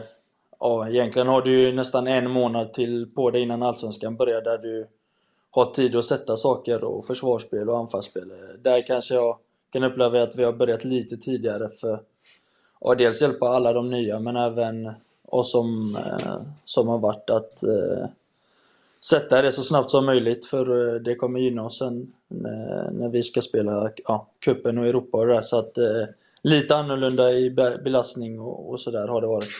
Mm. Slutligen då Viktor, det är ju AIKs födelsedag idag, 15 februari. Har, har, du, någon, eh, har du någon hälsning till, till Gnaget? Nej, men eh, man får gratulera dem i så fall på, på födelsedagen. ja, det var fint av dig. Vi har eh, Myggan här i, eh, inte nu studion just nu, men det är vår spelexpert i Fotbollsmorgon. Han fyller också år idag och han håller på Djurgården. Så att, han ja, kanske kan gratta med lite mer Han kan få ett stort grattis av mig då. ja, precis. Jag skulle bara vilja fråga innan vi släpper dig Viktor. Eh, Anders pratade väldigt gott om er relation precis innan du kom, eh, ja. kom in här. Hur, hur skulle du beskriva Anders och er vänskap? Eh, våran vänskap är väldigt bra. Vi snackar en del på Instagram och eh, kingsar och ejar och, och, så när vi träffas ute på gatan. Så att eh, den relationen är, är härlig och om Anders det är en eh, härlig förlurig där. Så att eh, jag har inget ont att säga om honom. Käkar du gratis hos honom? Han slingar sig lite där. ja, det är klart jag gör. Det, när jag är på Brillo och har med mina föräldrar så brukar jag alltid få in ett eh, glas bubbel där innan så det är väldigt tacksamt. Mm. Det är mysigt. Välkommen! Ja, Välkomna mamma och pappa, det är så gulligt det där. Jag gillar det. Familj. Ja, ja tack så mycket. Mm. Ja. ja, men eh, Viktor, eh, kör hårt nu om alla matcher framöver och till att börja med i kuppen mot Landskrona på måndag. Det ska jag göra. Tack. Tack, tack. Tack, tack. Ha det bra. Hej. Samma. Hej. Ja, Per, du måste smita. Ja, nu smiter jag. Lämnar Gör här. så. Tack Gör för så. idag. Tack för idag. Du, du ska hoppa på ett plan nu? Ja, Ja. ska bara på ett plan. Ja, Men jag tänkte det kan vara alltså det är ju en cool grej att säga. Ja, exakt. in det, Men att det- man måste det dra för innan med ett plan. Exakt. Kommer ju följdfrågan var. Ett Köpenhamn. Ja, okej va. Det är inte lika coolt. Nej, nej, ja. nej, jag vet. Jag vet. Det det var därför jag inte ville säga det. Men, men nu så. Ja. Men du, du rullade in här i morse med liksom, resväskan Ja. med dig, så det kändes också lite mäktigt att du, du är en man som är på Det är väg. lite Olof Lund-style. Han är Ja, alltid på väg. Han är lite som hajen Olof Lund. Stannar han så dör han. Det har ni förstått va? Jag förstår. Ja. Ja, men för han, han var ju, pratade med honom, han var ju i Phoenix då och kollade Ja, på Super Bowl ja, i söndags och Ja. igår så var han väl i Paris. Ja, Eh, ja. jag, alltså jag, jag, fick- jag fick chock när jag såg honom där. Vad fan, han, Jag trodde hur inte fan hinner han dit? heller att det var... Men har han ett privatjet? Eller hur kan han? eller är han liksom ja, något eller har han ett privatliv? Ja, nej. Men det, det, svar- svaret är väl nej. Ja, ja, jag, ja, det där är udda. och Jag älskar Olof, men det där går, det går fort. Ja, ja. Flyg försiktigt nu. Tusen Ja. tack. Hälsa, hälsa Köpenhamn. Ja, gör det. Det är bra. Hemma. Ja. Övriga i studion då. eh, Per försvann nu, Per Frykebrant. eh, Per Frykebrant. Eh, Jag heter Axel Insulander och så har vi Anders Timell i studion och Filip Gadd. eh, Reporter på, på Expressen. Jag vet inte om vi har Jakob Bergström redo? Ja. Vi, Jakob, eh, hör du oss? Det gör jag. Jajamensan, du försvann med bilden men nu är du tillbaka. Eh, God morgon eh, Jakob Bergström. Ja, men god morgon er. Du, eh, det står så här eh, i, i min, eh, på min lilla dator här. Från en älskvärd bonde i Djurgården till en annan otroligt älskvärd eh, bonde i Djurgården. Är ett nytt spår tro? Troligtvis. Succé har det blivit hittills och mycket ska det till för att det inte ska bli succé för mu- muskelbygget från, Landskro- eh, från Karlskroga. Det Karlskrona. var när det fel. Ja, herregud. det herregud. Karlskrona Ja. eh, är, det- är rätt. God morgon säger vi till Djurgårdens andra anfallare från glesbygden, Jakob Bergström. Hur är eh, livet nu i Stockholm när du har fått eh, bo här ett tag? Nej, men det är inget att klaga på. Trevligt folk här uppe med, vet du. Så eh, nej, det funkar bra. Måste ju veta, var bor du här i Stockholm? Sundbyberg.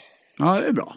Ja, så det är trevligt. Det är lagom in, infasning. Ja, exakt. Ja. Vad är nästa steg i infasning? Eh, Det är att man blir aik tror jag, för att det är väldigt nära sådana. det är sant. Jag vet ju hur det är att vara inflyttad liksom, till eh, Stockholm. Eh, och jag var ju väldigt vilse de första eh, månaderna här. Hur, har, har du åkt mycket vilse med tunnelbana och så, eller hur har det funkat?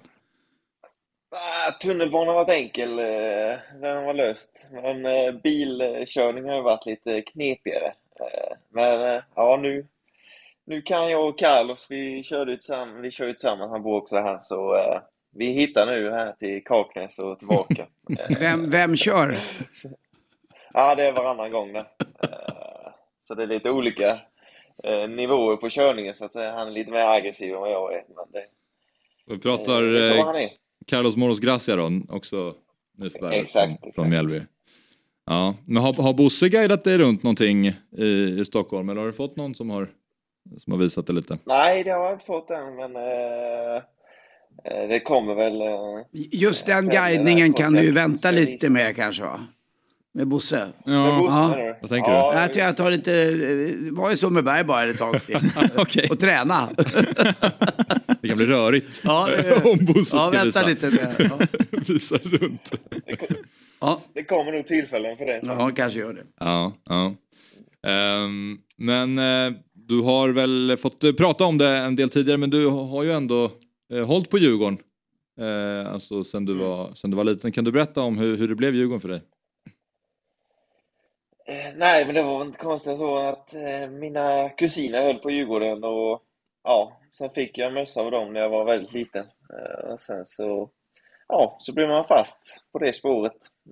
Sen har jag och pappa åkt runt i, ja, när vi varit i södra Sverige och kollat Kalmar och Mjällby och Helsingborg och Malmö och sådär. Mm. Så det är så det har varit. Mm. Hur ensam var du om att hålla på Djurgården?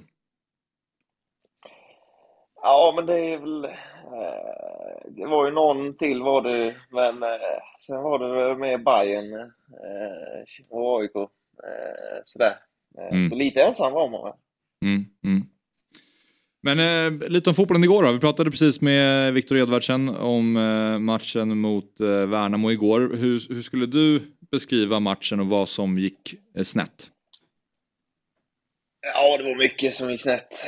Det var väl vad som gick bra nästan. ja, vi, kan, vi kan komma dit. Så, ja, nej, men eh, nej, det var mycket. Det var väl satt oss i skiten så att säga, utan eh, hjälpte väl inte varandra på planen och ja, pressen gick väl inte heller och ja, nej, det var mycket som var fel igår. Eh, sen blev det väl bättre i andra halvlek lite, men eh, eh, ja, de lyckades köra mål ändå. Eh, så nej, det var, det var ingen bra, dag på jobbet, var det inte. Nej. Man tänker ju att spelet i Djurgården är lite mer fart och fläkt än vad det var i, i Mjällby. Eh, hur skulle du beskriva skillnaden att komma till Djurgården och spela under Kim och Tolle? Ja, men det är det ju. Mjällby låg ju väldigt mycket lågt och eh, lågt försvarsspel. Eh, och ja, eh, och här i Djurgården är det ju mer uppressa direkt och ja, mer direkta i spelet också. Eh, så ja, jag tycker det är bara kul liksom. Så det är, det är någonting eh, som har varit kul att man får vara uppe och pressa lite högre upp och ja, eh, och att det är mer fart. Ja. Det gillar jag. Så Är, är det roligare att spela fotboll i, i Djurgården än i Mjällby? Ja, men det ska jag säga. Han har ju faktiskt mer boll och det är, det är ju ändå roligare att ha, att ha det än att jaga bollen. Så ja, det får man säga. Mm. Ehm, vi hade ju Rickard Norling här i studion i måndags och han var inne på att han tycker att du ska vara en startspelare i Djurgården eftersom du då som nia kan bidra med fysik och egenskaper som de andra offensiva spelarna inte kan. Då. Det har ju varit lite snack om huruvida det är Oliver Berg som ska spela på den här nio-positionen eller om det är Edvardsen eller om det är eh, du. Och att han tryckte på Mm. att Djurgården kommer till mycket inlägg eh, och att du är då den, den bästa boxspelaren. Ehm, vad tänker du om det uttalandet? Ja, men det stämmer väl. Eh, alltså om man då, eh, om man ska köra mycket inlägg så är väl eh, jag den bästa på det. Eh, så är det. Men sen får man ju annat med Oliver, får man ju en bättre spelare i uppbyggnadsfasen och som kan droppa lite mer och, och Edvardsen eh, har ju sina kvaliteter med sin, eh, han är också stark och ja, väldigt skicklig på att kombinera och sådär. Eh, så det är, det är ju tre olika typer eh, av eh, anfallare, så eh, det är väl lite vad de känner, tränarstaben, och vilken match de tror det kommer bli liksom. Mm. Så, men det är väl kul att Norling tycker så, det är väl alltid något. Det är klart. Eller hur? När, när du, när du Ja. signade för Djurgården, vad, vad fick du liksom för löften då? Blev du liksom invärvad som en startspelare eller rotationsspelare eller vad, vad sa de till dig? Nej, det, de sa ju ingenting där men... Eh, Du bara var- skrev på? Jag tror ju inte som... eh, Ja, typ mer eller mindre. Men eh, nej, jag tror inte det var som startspelare men det... Bosse sa ju direkt att det bara att... Det är bara att kriga och ja, göra det omöjligt för dem att inte ta ut dig så... Ja, det är väl så man får... Det var väl de löftena man fick men så är det. Mm. Hur mycket tror du själv att du kommer få spela? Vad har du fått för känsla och vibbar? Nej, men det, jag har väl ändå fått visa att jag kan göra någon nytta så att säga. Så, eh, att man kommer få bli använd eh, under året, eh, det tror jag väl. Eh, det kan ju bli väldigt många matcher så eh, nej, någon nytta av mig ska de få. ja, ja nej, det, det tror jag absolut att de kommer få. Ni, är ju, ni kompletterar varandra väldigt eh, väl i den anfallslinan. Men hur var, hur var känslan i laget efteråt? Eh, efter matchen i, igår. Det är ju, vi var inne på det med Viktor, det är en träningsmatch men det är också en, en ganska eh, tung förlust mot, mot Värnamo. Ja, nej, det är ju eh, det var skönt att det var en träningsmatch, annars hade det varit begravning liksom. Så nej, det är väl man får rannsaka sig själv lite, tror jag alla kände efter att de en vecka nu så börjar det liksom och det gäller att steppa upp. Eh, Var, så var, var, Kim, var, de arg, var, de arg, var de arga i omklädningsrummet efteråt? Vart det utskällning eller? Nej, det var det ju inte, men det var ju mer att, eh, ja, eh, nu gäller det att jobba hårt och eh, ja, släppa det här och bli bättre. Eh, Mm. Och, eh, Det är som vi brukar säga till Per Frykbrant. Ja, exakt. När han har gått. Ja. Exakt samma. Men jag måste också fråga om gräsmattan, Jakob. Hur var den nya mattan på Tele2? Ja, det var en upplevelse. nej, men det... Aj, aj, aj. Ja. Ja, nej men eh, den har ju inte... eh, Det sa väl han som la dit den att eh, eh, den kommer lägga sig lite mer. Eh, för nu, just nu så... Eh, fly, ja, sätta sig. För nu flyter ju bollen på eh, gräset eh, lite. Eh, som kan ta lite olika vägar. Eh, men eh, nej, det är ju lite intressant det där med att det är sand istället för granulatet. Eh, Ja. Ska ju likna mer gräset, eh, vanliga då. Men eh, nej, det kan bli bra. Men det är Mm. svårt att utvärdera efter en... Eh, Jag, jag, jag tycker den nya mattan känns som ett ganska stort frågetecken. Visst växer upp det här frågetecknet lite ja. grann? Nej, det, det låter ju inget vidare ju. Nej, men, sen har jag, jag spelat på andra konstgräs eh, som är nya och det är lite... Det, det måste sätta sig lite faktiskt. Eh, Mm. Så man ska inte döma ut den än. Eh, kanske blir skitbra, det vet vi inte. Men det här med sand i eh, gräsmattan, ha- hade ni det på Strandvallen också med tanke på att det ligger så nära vattnet? Kan det här passa dig kanske? Ja, det blåste upp dit. Vet du. Nej, det hade vi inte. ah, okej. Jag försöker hitta ljusglimtar där. Men... Ja, du försöker. Nej, det är nytt de hittar på. Eh, okej. Men det är väl bra tanke att göra konstgräs mer likt eh, vanligt gräs. Eh, Mm. Så ja, Men- bra tanke. När du mötte Djurgården med Mjällby, upplevde du då att de Mm. gynnades mycket av den mattan som var då? Alltså att det gick ganska fort på planen och tror att, att Djurgården kommer, att spelet kommer bli lite annorlunda av den här nya mattan? Ja, men det kände man ju när man kom upp. Det var ju Eh, liten chock fick man ju faktiskt. Eh, för det gick ruskigt snabbt gjorde eh, Så ja, jag vet inte om det är så stor fördel egentligen, men ja, lite kanske hade de förra året, eller ja, åren innan dess, men det kommer säkert bli det nu med. Så det, det, det är väl nog bara att köra på. Mm. Det kommer inte läggas alltså liknande matte ute på Kaknäs nu också då? Eh, Så att ni liksom tränar på lika ny matta som ni kommer spela på ny matta? Alltså om det blir lite skillnad tänker jag. Jo, jag tror de skulle byta eh, hade jag hört. Nej, inte hundra procent, men jag tror faktiskt det. Eh, så det är ju, det är ju positivt. Mm. Vi tränar på det också. Slut, eh, slutligen Jakob, AIK, Mm. de fyller år idag. Det är deras födelsedag. Ett jävla grattande här. Ja. Har du någon eh, grattishälsning till eh, Gnaget? Eh, nej. Victor var ensam i det där, vad gjorde han inte det? Jo, det gjorde han. Det gjorde han. Ja, det får räcka med Victor då. Ja, lite grattis kan vi säga vi i alla fall. Tycker jag. Ja, grattis. Stort grattis. Bra. Ja, jag förstår. Men eh, Jakob, stort tack för att du var med här i Fotbollsmorgon. Ja, tack själva gubbar. Ha det Tack. fint. Ha det gott.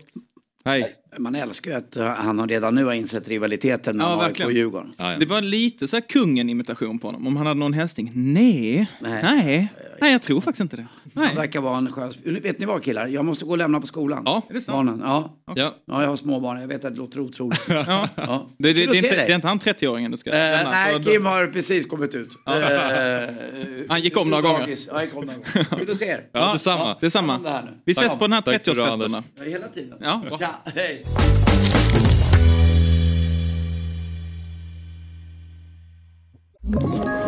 Ett poddtips från Podplay. I podden Något Kaiko garanterar östgötarna Brutti och jag, Davva, dig en stor dos skratt. Där följer jag pladask för köttätandet igen. Man är lite som en jävla vampyr. Man har fått lite blodsmak och då måste man ha mer.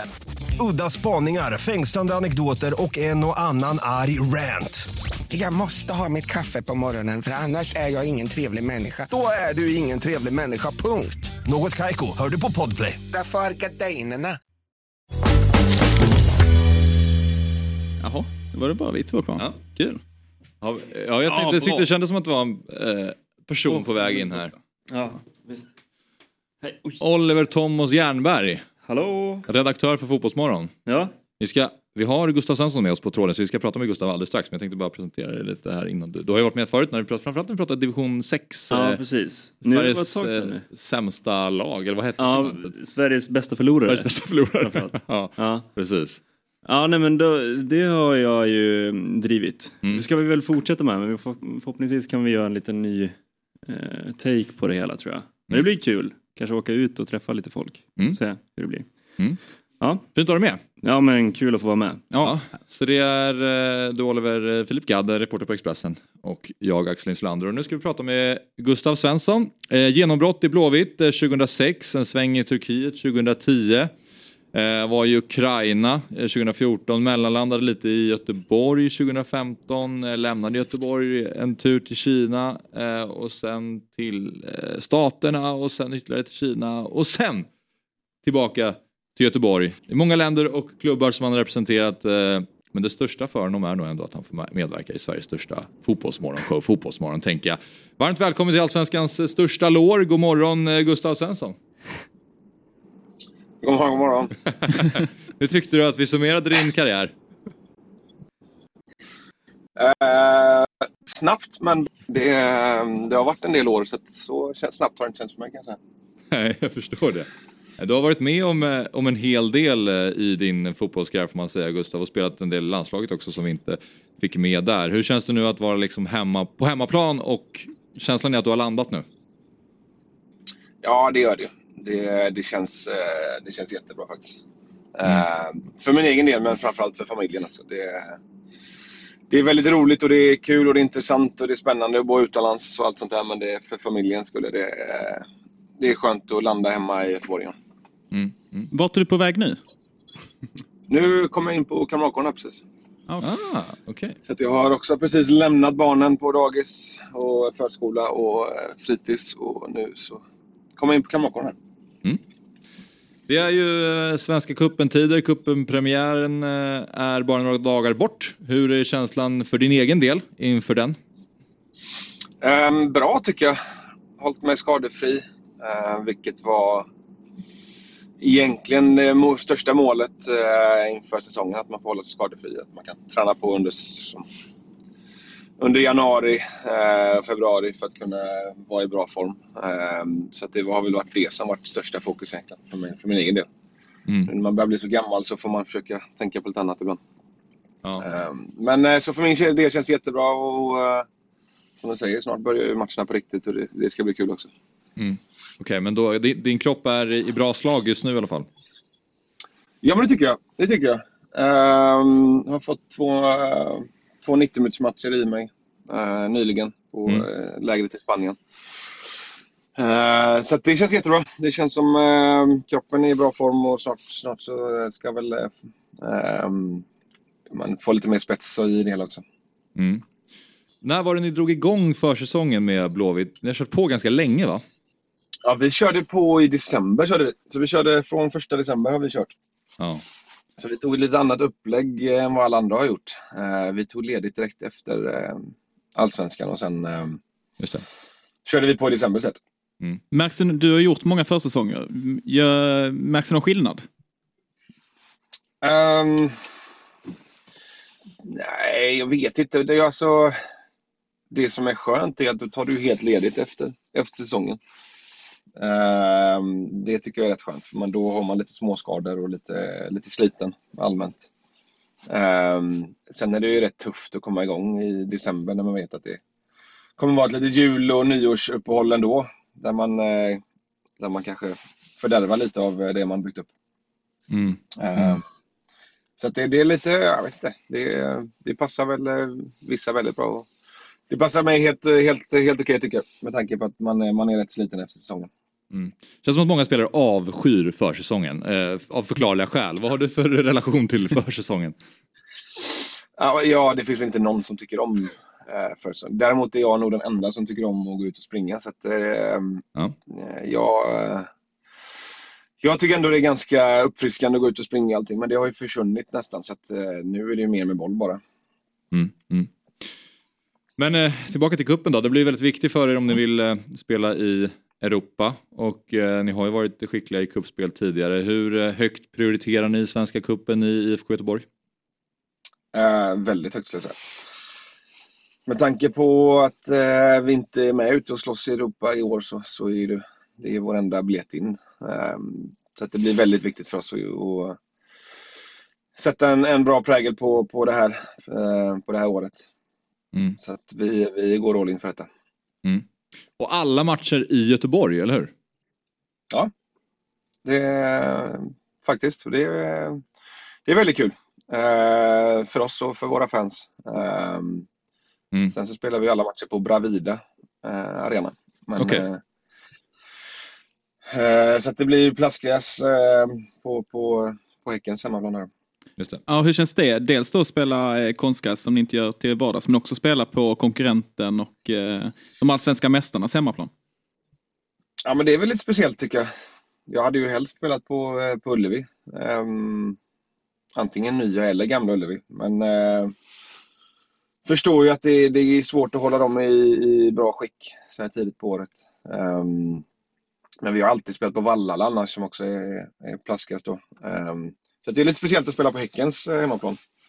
Ehm, men eh, det är ändå en ganska bra arena och det är, det är liksom ett relativt nytt eh, konstgräs där så det, det är väl ändå bästa, bästa av alla.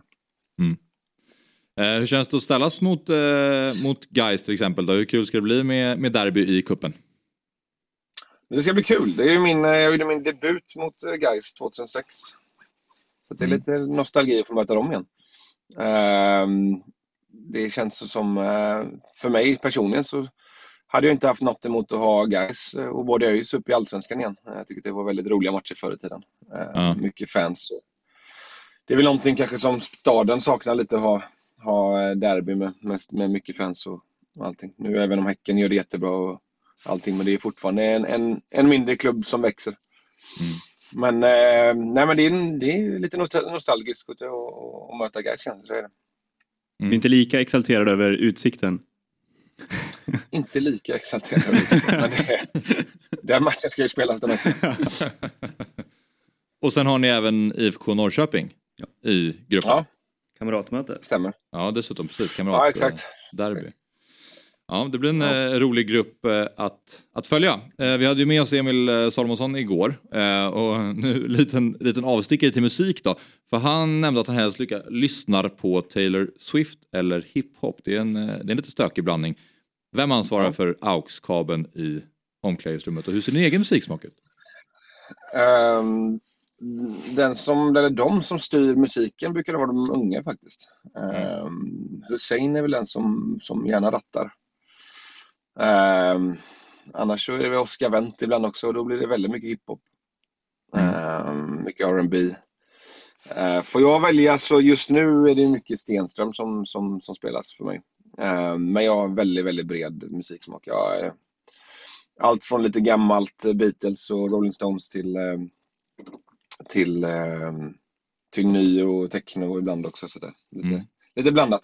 Mm. Det beror på lite vilket humör man är på. Om jag får ställa mig bakom någon så ställer jag mig bakom Gustavs. Av de jag fick höra där. Ja, jag, ja verkligen. 100 procent skulle jag säga.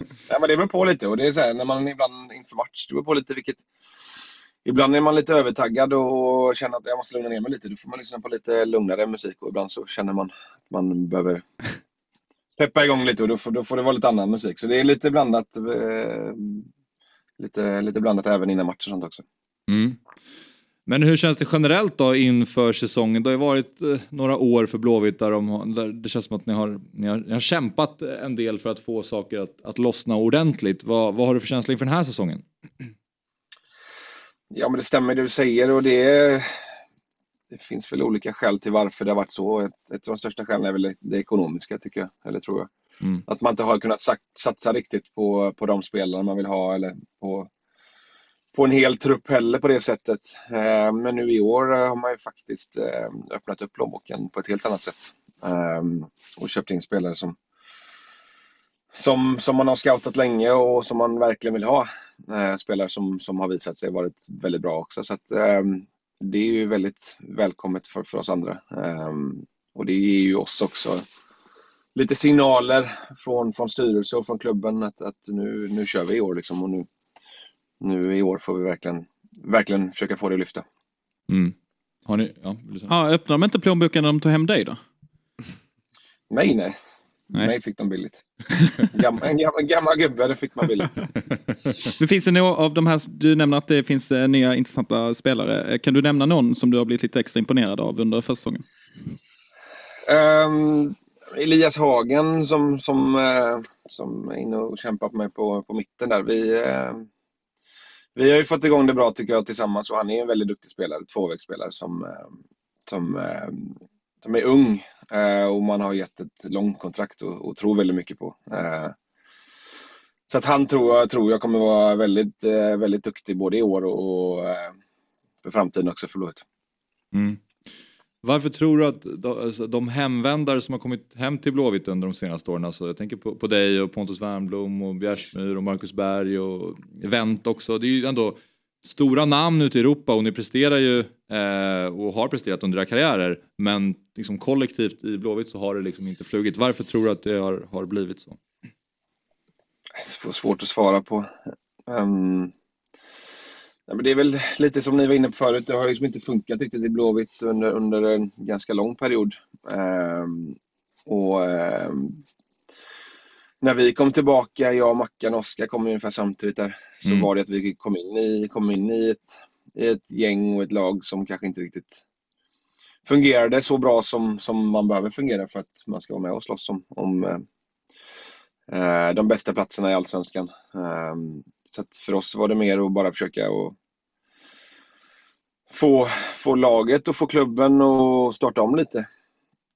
Mm. Um, och börja tänka om lite. För att det, det, så att man inte är inne på riktigt samma banor. Alltså man, man går i samma fällor hela tiden. Mm. Mm. Så att eh, det har ju rensats väldigt mycket i eh, klubben, i laget och um, försökt att bygga om här nu. Um, och, och, nu även då satsat tycker jag även. Så att det, det, det tycker jag ser bra ut. Jag tycker att det är, för, mig, liksom, för, för jag, mina egna ögon, så tycker jag att det ser, ser, eh, ser väldigt bra ut tycker jag. Eh, sen så får vi se hur, hur bra det blir. Men vi, vi, eh, vi hoppas och vi tror väldigt mycket på det. Mm. Eh, apropå eh, Wernbloom och Bjärsmyr så har ju de tillsammans med Tobias Systén, eh, Tobias Systén startat ehm, en podd. Eh, Hunden, katten, glassen. Eh, som den heter. Har du hunnit lyssna på podden? Nej, jag har inte gjort det. Eh, jag, tror, jag tror att det är nog bäst att jag inte gör det tror jag. Eh, Varför då? Nej, jag vet inte. Jag, jag, vet inte vad de kommer gå in på där. Och, uh, jag har en, en liten svag känsla på om, om de går in på fel saker så kommer jag starta en podd bara för att kritisera deras podd i så fall. Så det, det, det, är nog bäst att jag, att jag inte lyssnar på den. Nej, jag vet inte. Det är jättekul de, de brinner jättemycket för Blåvitt och det är jättebra att de, att de eh, lyfter upp Blåvitt ännu mer. Eh, men jag, jag, jag, känner ju de tre eh, pojkarna väldigt väl. Eh, Så att, eh, ja, det, det, ska bli, det ska bli intressant att se vilka spår de väljer. Ja. Mm. Pontus Wernbloom har vi fastnat lite för här i Fotbollsmorgon för han har en sån häpnadsväckande, ett, ett, ett, speciellt liv och häpnadsväckande rutiner som hans frukostrutin som består av havregrynsgröt och en stor slev Nutella. eh, och det är allt från att han har snusat hur mycket som helst och han hade någon sönderbränd nacke härom, häromdagen. Eh, hur har Pontus Wernbloom klarat av att spela elitfotboll så pass länge? ja, det, det det, han har ju haft en grym jäkla karriär. Så ja, det får man säga. Han har gjort, det jäkligt bra. Eh, sen så kanske han hade hållit ännu längre kanske om han hade inte ätit Nutella varje dag. ja, ja. Nej, det, det han jag, jag måste bara fråga innan vi släpper Gustav. För jag såg igår så Simon Tern var med i någon intervju med Fotbollskanalen. Eh, om 15 snabba om, om IFK Göteborgs, eh, ja men vem i laget sådär. Då fick han frågan om vem i laget som, som är liksom håller politiska debatter eller diskussioner mest i laget. Då nämnde han att det, det, skulle vara du och Emil då. Det låter ju som att nu när du kliver in där på Kamratgården att det direkt liksom det blir sked debatt där inne. Det, ja, men det, det, har, det händer ibland att det blir debatter. Jag, vill sån, jag gillar ju att provocera fram lite grejer också så att ibland så så eh, så ställer jag frågor eller försöker inte hålla med för att det ska bli lite debatt i det hela. Men ehm, det är väl klart att det finns lite olikheter i det politiska spelet också, även på Kamratgården. Och det, det blir ibland att det kan bli lite diskussioner och eh, ehm, det, det, det, brukar bli rätt bra, eh, tycker jag ändå. Det brukar bli att vi ändå håller oss lite, liksom, ganska, ganska nära varandra. Men eh, det blir väl att jag och Emil ibland kan, kan eh, vi kan diskutera om en del grejer politiskt och det är väl det som Simon menar. Är han lättretad? Emil? Ja. Ja, det är han väl och han är väl kanske framförallt väldigt otypisk fotbollsspelare i, eh, i mycket av det han tänker. Eh, han, han hade väl säkert cyklat till jobbet varje dag om han hade, hade fått eh, och kunnat. Men nu bor han i Varberg så det är lite svårt.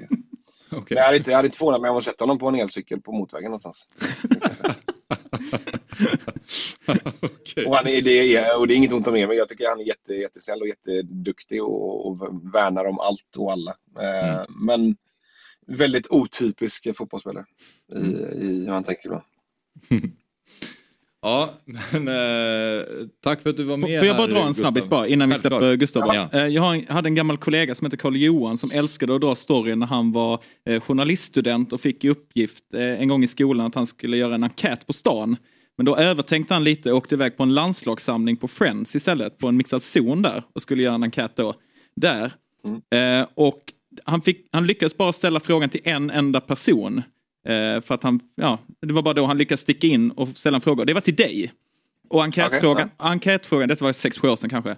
Och enkätfrågan han ställde var, om du skulle vara en möbel, vilken möbel hade du varit då? Så jag tänkte bara kolla, fråga ett, kommer du ihåg detta? Nej, det gör jag faktiskt inte. Fråga två, om du hade varit en möbel, vilken möbel hade du varit då? Ja, vad fan. Eh, bra fråga. Är det det? Nu sätter du mig lite på uh, botten här. Men... Uh, vad fan ska man vara? Vad är kul att vara då? Jag vet vad du svarade då. vill ju svarade se. jag då? Då svarade du... Ja, men jag, jag, Ja, eller har du något? nej, jag har ju ingenting. Ja, men man, man, man sitter ju jävligt mycket i soffan så att man kanske ska vara en soffa. Jag vet inte. Ja, det var väldigt nära. Eh, Du hade tydligen svarat en säng för det är gött att sova. Ja, men det var ju bra. Ja.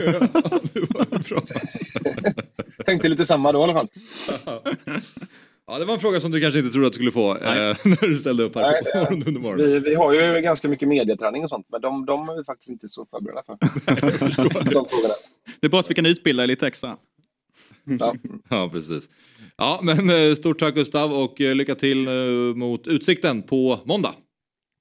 Tack, tack. Hej! Men Vilken möbel hade ni varit om ni var en möbel? jag, tycker att, jag tycker det var en svår fråga. Ja, den är Ja, det var ju sjukt svårt. Ja. Eh, ja. Alltså, om man är en möbel, Mm. alltså, så här, vill man, alltså, då är man också... Jaha, du alltså, är tänker att du har ett medvetande? Ja men så här, du, om du är en säng, då, du sover ju inte. Du är ju Nej, någon, exakt. du är ju en plats. Så du arbetar ju för fan väldigt ofta då, bara Ja. bära upp någon annan. Det låter ju inte jättekul. Sen är man ju ledig stora delar av Ja, det är i och för sig sant. Ja. Jag tänker man tänker mer metaforiskt på något sätt. Mm. Eh, liksom. Om man är en avlastningsmöbel för att man liksom... Du tänker så? Ja, kanske. Inte så, inte så konkret. Jag hade varit en vinkyl tror jag. Det var rätt smart. För att? Nej, men vin är gott. Okej, ja. Ja, det är inte ja. så. Ja. Mm. Det är, nästan känns som att det, är gränsfall på möbel.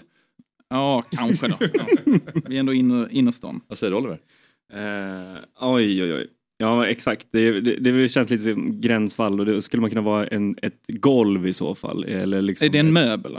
Ja men en vinkyl. Men alltså, så här, då vill man väl vara någon kul grej tänker jag. Alltså, det är väl, eh, om man är en TV till exempel. Mm. Då är man ju liksom, det är, väl, du är väldigt inte statisk. Du är lite mer Nej. dynamisk på det sättet. Men där har vi ju också, för det finns ju tv-möbler och det är väl sånt som håller upp. Ja just det. Ja, precis. En tv-bänk. Mm. Det tråkigaste svaret. TV är också så här, Ja, det ryker kanske om fem år också. När jag, man har blivit lite för, anses vara lite för eh, tjock liksom. Ja.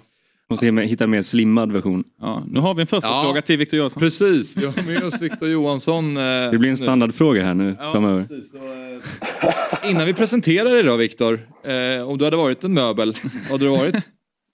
Ja, det är tufft. Jag hade faktiskt sagt en TV också tror jag. Ja. Eh, Men eh, jag vet inte, det var en bra fråga.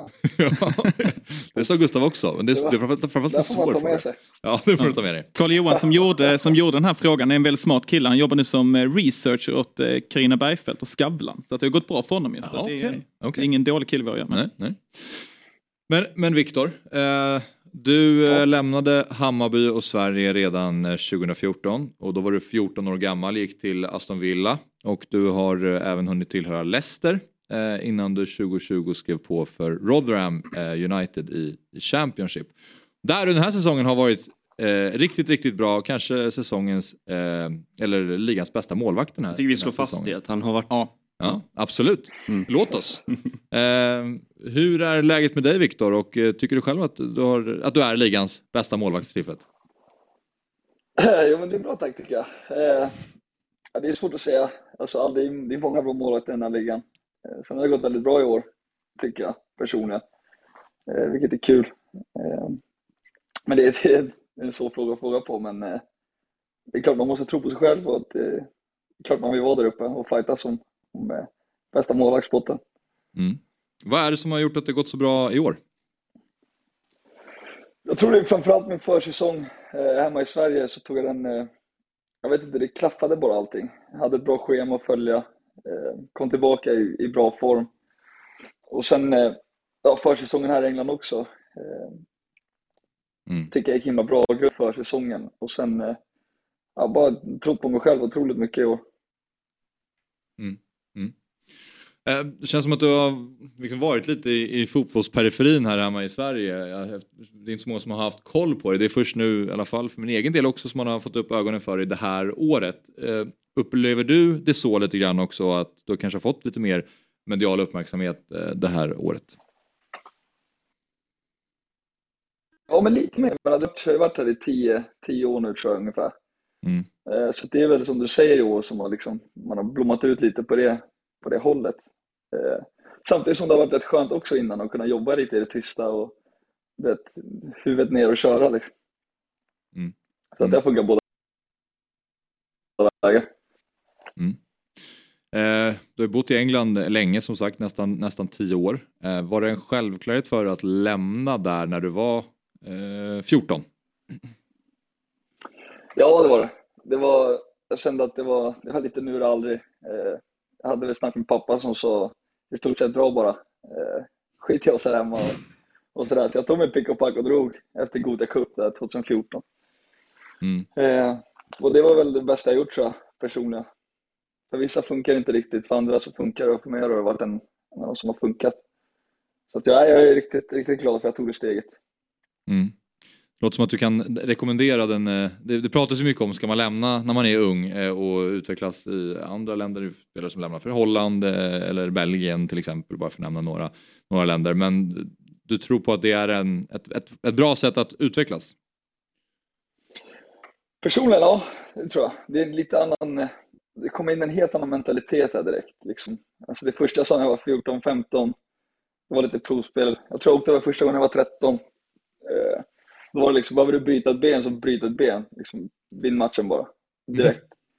Och det var man inte riktigt van vid vid, den åldern. Så att, ja, det funkar för mig som sagt. Jag är jätteglad att jag tog det steget. Sen för vissa funkar det inte, men, men personligen så, funkar det hur bra som helst.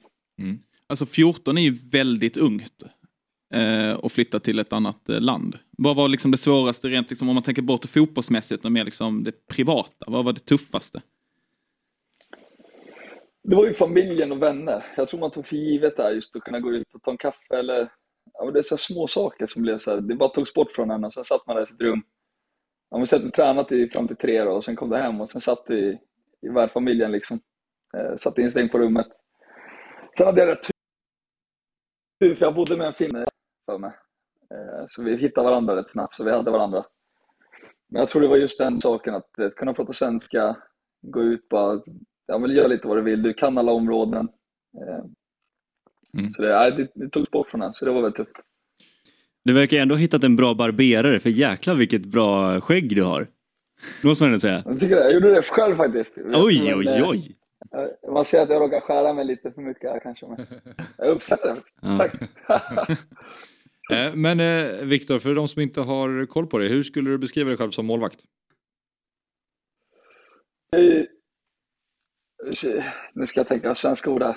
Ehm, Du kan beskriva det på engelska. Vi kan engelska. Ja, men, ja, men det är reaktion, reaktionssnabb. Mm. Eh, fearless. När det kommer till alla situationer. Jag gillar att bli, liksom, ta lite smällar. Eh, gillar att komma ut och plocka bollar, äga mitt område. Eh, och rädda bollar såklart. Skulle jag säga. Det är mina styrkor där. Hur lång är du? En 87 ungefär tror jag. 87, 88. Ja. Det, det känns det, det, det, är väl tillräckligt långt för att vara en bra fotbollsmålvakt. Man når till ribban. Ja. Men nu när det har gått sådär, det har ju gått så pass bra för dig som, du, som eh, vi är inne på och du får ju spela eh, vecka ut och vecka in. Det är så sjukt mycket matcher i Championship, Championship för övrigt. Är, ni älskar att spela där borta. Gud vad ni älskar att spela. uh, nej men jag tänker på en, vi har haft svårt i, i Sverige att på målvaktspositionen i landslaget. Det ska ju ta ut en, en trupp till EM-kval nu. Hur uh, tänker du kring, kring en plats i det kommande, Jannes kommande trupp? Nej, det är klart det hade varit jättekul. Det är något jag har drömt om sedan jag var liten. Eh, och komma med där. Men så vet jag att det krävs ju prestation vecka in vecka ut för att, för att komma med där. Så det är bara att fortsätta här borta och jobba på och kriga. Mm. Mm. Tycker du att du förtjänar en plats eh, i, i den truppen? Det tycker man aldrig. För det är väl tro på sig själv man har och vet att skulle man få den skulle man klara av det. Men samtidigt så vet man att det är bra målvakter som är med. Mm. Eh, så att, eh, nej, som sagt, jag bara fokuserar på mitt där borta och sen förhoppningsvis så kommer det. Har du haft någon kontakt med eh, landslaget? Har du haft ett snack med Janne till exempel? Nej, jag snackade lite med Mats vid sidan om. Som verkar vara en, eh, en riktigt bra målvaktstränare som jobbar på ett speciellt sätt.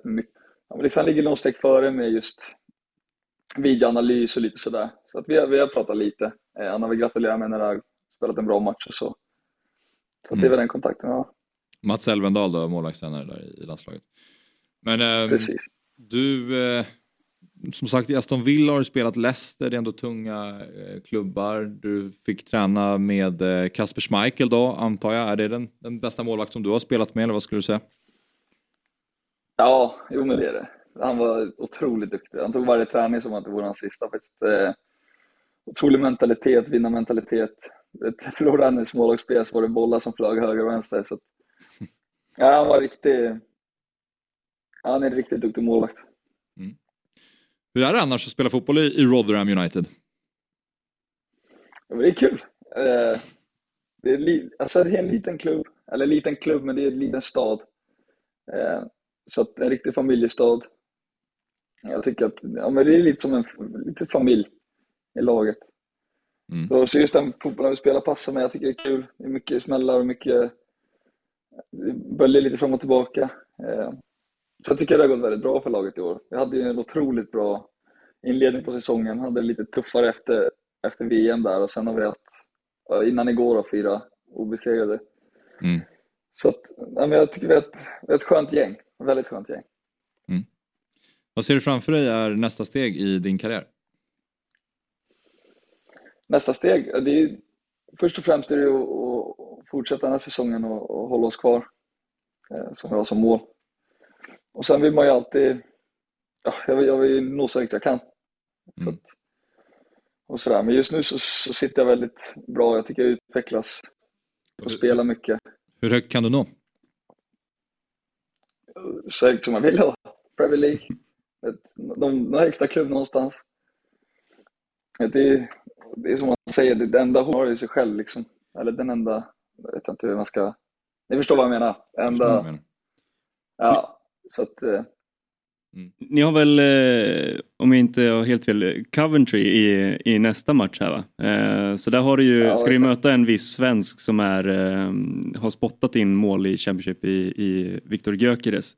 Det går rykten om att han är en, en trogen tittare på programmet. Ah, kul. Så att om du vill hälsa någonting till honom, om du vill liksom kasta ut en, en syrlig passning nu inför, inför det här möt, svenskmötet så har du, har du chansen att göra det nu. Ja, jag har snackat lite med honom också, men eh, han vet att det kommer inte bli några baljor från hans sida heller. det, det, det, ska, det ska vi se till. Det får vara nog. Aha. Jag är lite nyfiken på livet annars i, i eh, Championship. Det var väl Offside som hade ett eh, reportage för, eh, i deras senaste nummer tror jag, både om Luton va? Och deras ja, hemma, det Luton, hem, ja. hemmasarena, att den är helt eh, förfärlig och liksom, ja, nedgången. Vil, vilken är liksom den värsta bortaarenan du har spelat på än så länge där borta? Ja, det är nog, i Championship så är det nog Luton tror jag. Men det är lite charm i den också, så det är liksom, ja men typ som bort, där borta supporterna går in så är det ju liksom hus exakt bredvid ingången. Så att det skulle lika gärna kunna vara gå in i någons vardagsrum istället för på arenan. Eh, och sen när man går in till planen så går man igenom folks bakgårdar liksom. Eh, för att gå in till omklädningsrummen. Så att det, det den är lite charmig men, men den är speciell. Det är den. De kvalade ju upp till eh, Premier League förra året om jag inte minns helt fel. Alltså det hade ju varit någonting att se den arenan i, eller i Premier League. Det hade ju varit... Ja, det är drömmen. Ja, det hade varit drömmen. ja.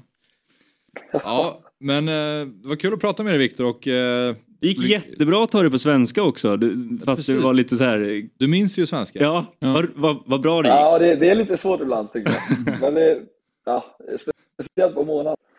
Jag Det gick bättre än förväntan. Får jag får jag slänga in en fundering på slutet bara? När jag, när jag gick in på eh, klubbens hemsida igår och kollade upp dig. Eh, alltså på liksom, truppsidan där så har ju alla spelare personliga eh, sp- sponsorer. Liksom. Alltså, vid varje namn så är det en liten sponsor där, där liksom privatpersoner eller företag kan eh, kliva in och ha sin logga under. Eh, det var någon pub som hade dig som eh, eh, ja, privat sponsor där, The Millers Pub. Hur, är, är det liksom, Ja. Ingår det i ditt, i ditt personliga kontrakt också? Har du fri Guinness så mycket du vill på den här puben eller hur funkar det? det, det tror jag jag skulle åka dit. Eh, Men nej, det, nej, jag har tyvärr inget sånt. Men eh, det är en eh, otrolig pub faktiskt. De har gjort det otroligt bra där inne. Det är en kille som har gjort en pub på baksidan av hans hus. Okej. Liksom som en, så jag tror väl han har några företag sådär som sponsrar, men just, just puben är ju ja, lite vikinginriktad tror jag. Ja, det var, en, det var bilder på tre stycken vikingar på deras logotyp och en av dem såg väldigt lik ut dig. Alltså det var väldigt, väldigt likt. Ja, det var någon det- kille med skägg. Är det du? Ja, det är jag och sen är det en kille som heter John Breckin som är en klubblegend och Ronnie Moore. Eh, om jag inte misstar mig helt fel. Alltså du är på liksom Så barens logga. Ja. Wow! Det är så sjukt. Wow. Ja, det är, det är otroligt roligt. Det är den engelska motsvarigheten till att få en pizza uppkallad efter sig Ja, i Sverige. verkligen. Det är ju typ det största man kan uppnå i Sverige. Att få en pizza uppkallad efter sig på den lokala pizzerian. Du har ansiktet på den lokala baren. Det är jävligt coolt alltså. Ja, ja, ja det, det var mäktigt faktiskt. Det var otroligt roligt när han visade bild på det. Känner du mycket kärlek från supportrarna i, i Rotherham? Har du blivit en liten publikfavorit? Ja, men det tycker jag. Alltså vi har väldigt bra, jag tycker de har bra relationship med allihopa skulle jag säga. Men eh, jag kom in rätt i, i klubben rätt i början där. Och sen dess har vi bara ja, fått ihop det tillsammans liksom. Ja, precis där är den ja. Ja, vi har, ja. Ja, kolla exakt. Där! Precis, där nere. Där nere till vänster. Ja. Och där är du som flyger då ju, i målvaktsdressen där i mitten. Och räddar Ja, med, precis. med vikingahjälm på huvudet. Nej, vi måste ju få tag på den här pubägaren alltså. Ja. Så är det ju. Det är nästa steg i det här ja. Ja, det är nästa steg. Hur är det med, liksom, när är nästa kontraktsförhandling för dig? När kan du liksom eh, jobba in en klausul på liksom, fri öl? Ja, jag vet inte. Jag har ju dock slutat, jag har ju slutat dricka alkohol så det hade ju, Aha. jag får fixa något till farsan istället tror jag. När han kommer över. Ja, det, Så får han ta den. Ja, wow. Ja. Såg ni att eh. Viktors medspelare heter Connor Coventry? Oh! Orent att han spelar i Rotherham. Ja, Ja, det får han fixa till på något sätt. Men han möter Coventry i nästa omgång. Det, är ändå, det har ändå någonting. Ja, just det. Ja, ja men eh, då så. Du, du får hälsa lycka till till dig och Connor Coventry mot Coventry. Eh, helt enkelt. Ja, men, tack så mycket. Så mycket. Ja. Ta hand om er. Tack, för- tack för att du var med. Hej! Nej. Tackar. Hej. Ja, det var en eh, samtalstät timme. Ja, gud. Verkligen. Men eh, så är det i Fotbollsmorgon. Det, det, det, är- dagens Fotbollsmorgon är som en match med två ansikten. Ja. Det är två olika halvlekar. Ja. Ja, lite, så, lite som eh, PSG igår. Mm. Ja, Ja, lite så. precis. Ehm, ja, för första, det var ju kul att få ta del av hela din uh, karantänsstory i början. Ja. Alla som uh, missade det så spola tillbaka till första kvarten där så får ni höra om när Filip var fast i karantän i Peking. Alltså, ja, herregud alltså. Ja, nästa gång jag kommer ska jag fan med mig dräkten. Alltså. Ja, det måste Ja. du ha. Det måste du ha. Mm. Eh, innan vi avslutar så vill jag också slå ett litet slag för Dobb-TV. Igår spelade vi in fantasy, jag, Jesper Hoffman och Tobias Simnell. Idag ska vi spela in 08 fotboll snart, prata lite Djurgården, Bayern och AIK och så har vi mycket andra program också såklart. Eurotalk måndagar och vi har lite dokumentärer som finns. Och quizprogram och allt möjligt på Dobb-TV. Så att, eh, glöm inte bort att eh, köpa ett abonnemang på Dobb-TV om ni inte har gjort det. Kul att ha dig med Filip. Ja, superkul att vara här. Ja. Fan vad snabbt det gick. Ja, det var superroligt. Ja, det går väldigt fort. Och f- fint litet inhopp från dig också. Ja, tack. Det var Supermysigt. Ja. Jag, är väl, jag ser väldigt mycket fram emot när eh, Sveriges bästa förlorare Ja, det ska roligt. tillbaka in i, när eh, alla, ja, när, när seriespelet drar igång. Så, Mm, När de har börjat förlora. Exakt. Då- Precis. När lagen börjar bli dåliga. Det är kul Exakt. efter en omgång. Vilken, Ja. Vilket lag i Sverige har förlorat störst? Eller, eller åka runt på försäsongen och bara, ni ser jävligt kassa ut. Så vi ska göra ett Exakt. program om er. Ha, Värnamo förlorar med 3-0. Ja, där får vi väl landa i det laget. Ja, men Fotbollsmorgon är tillbaka imorgon igen 07.00. Då sitter Jesper Hoffman här tillsammans med Fabian Ahlstrand och eh, Robin Berglund. Dessutom kommer eh, Josefin Karle också, så det blir fint eh, torsdagsavsnitt som vanligt. Tack för idag. Vi ses igen imorgon 07.00. Fotbollsmorgon presenteras i samarbete med Oddset, betting online och i butik. Telia, samla sporten på ett ställe och få bättre pris. Ett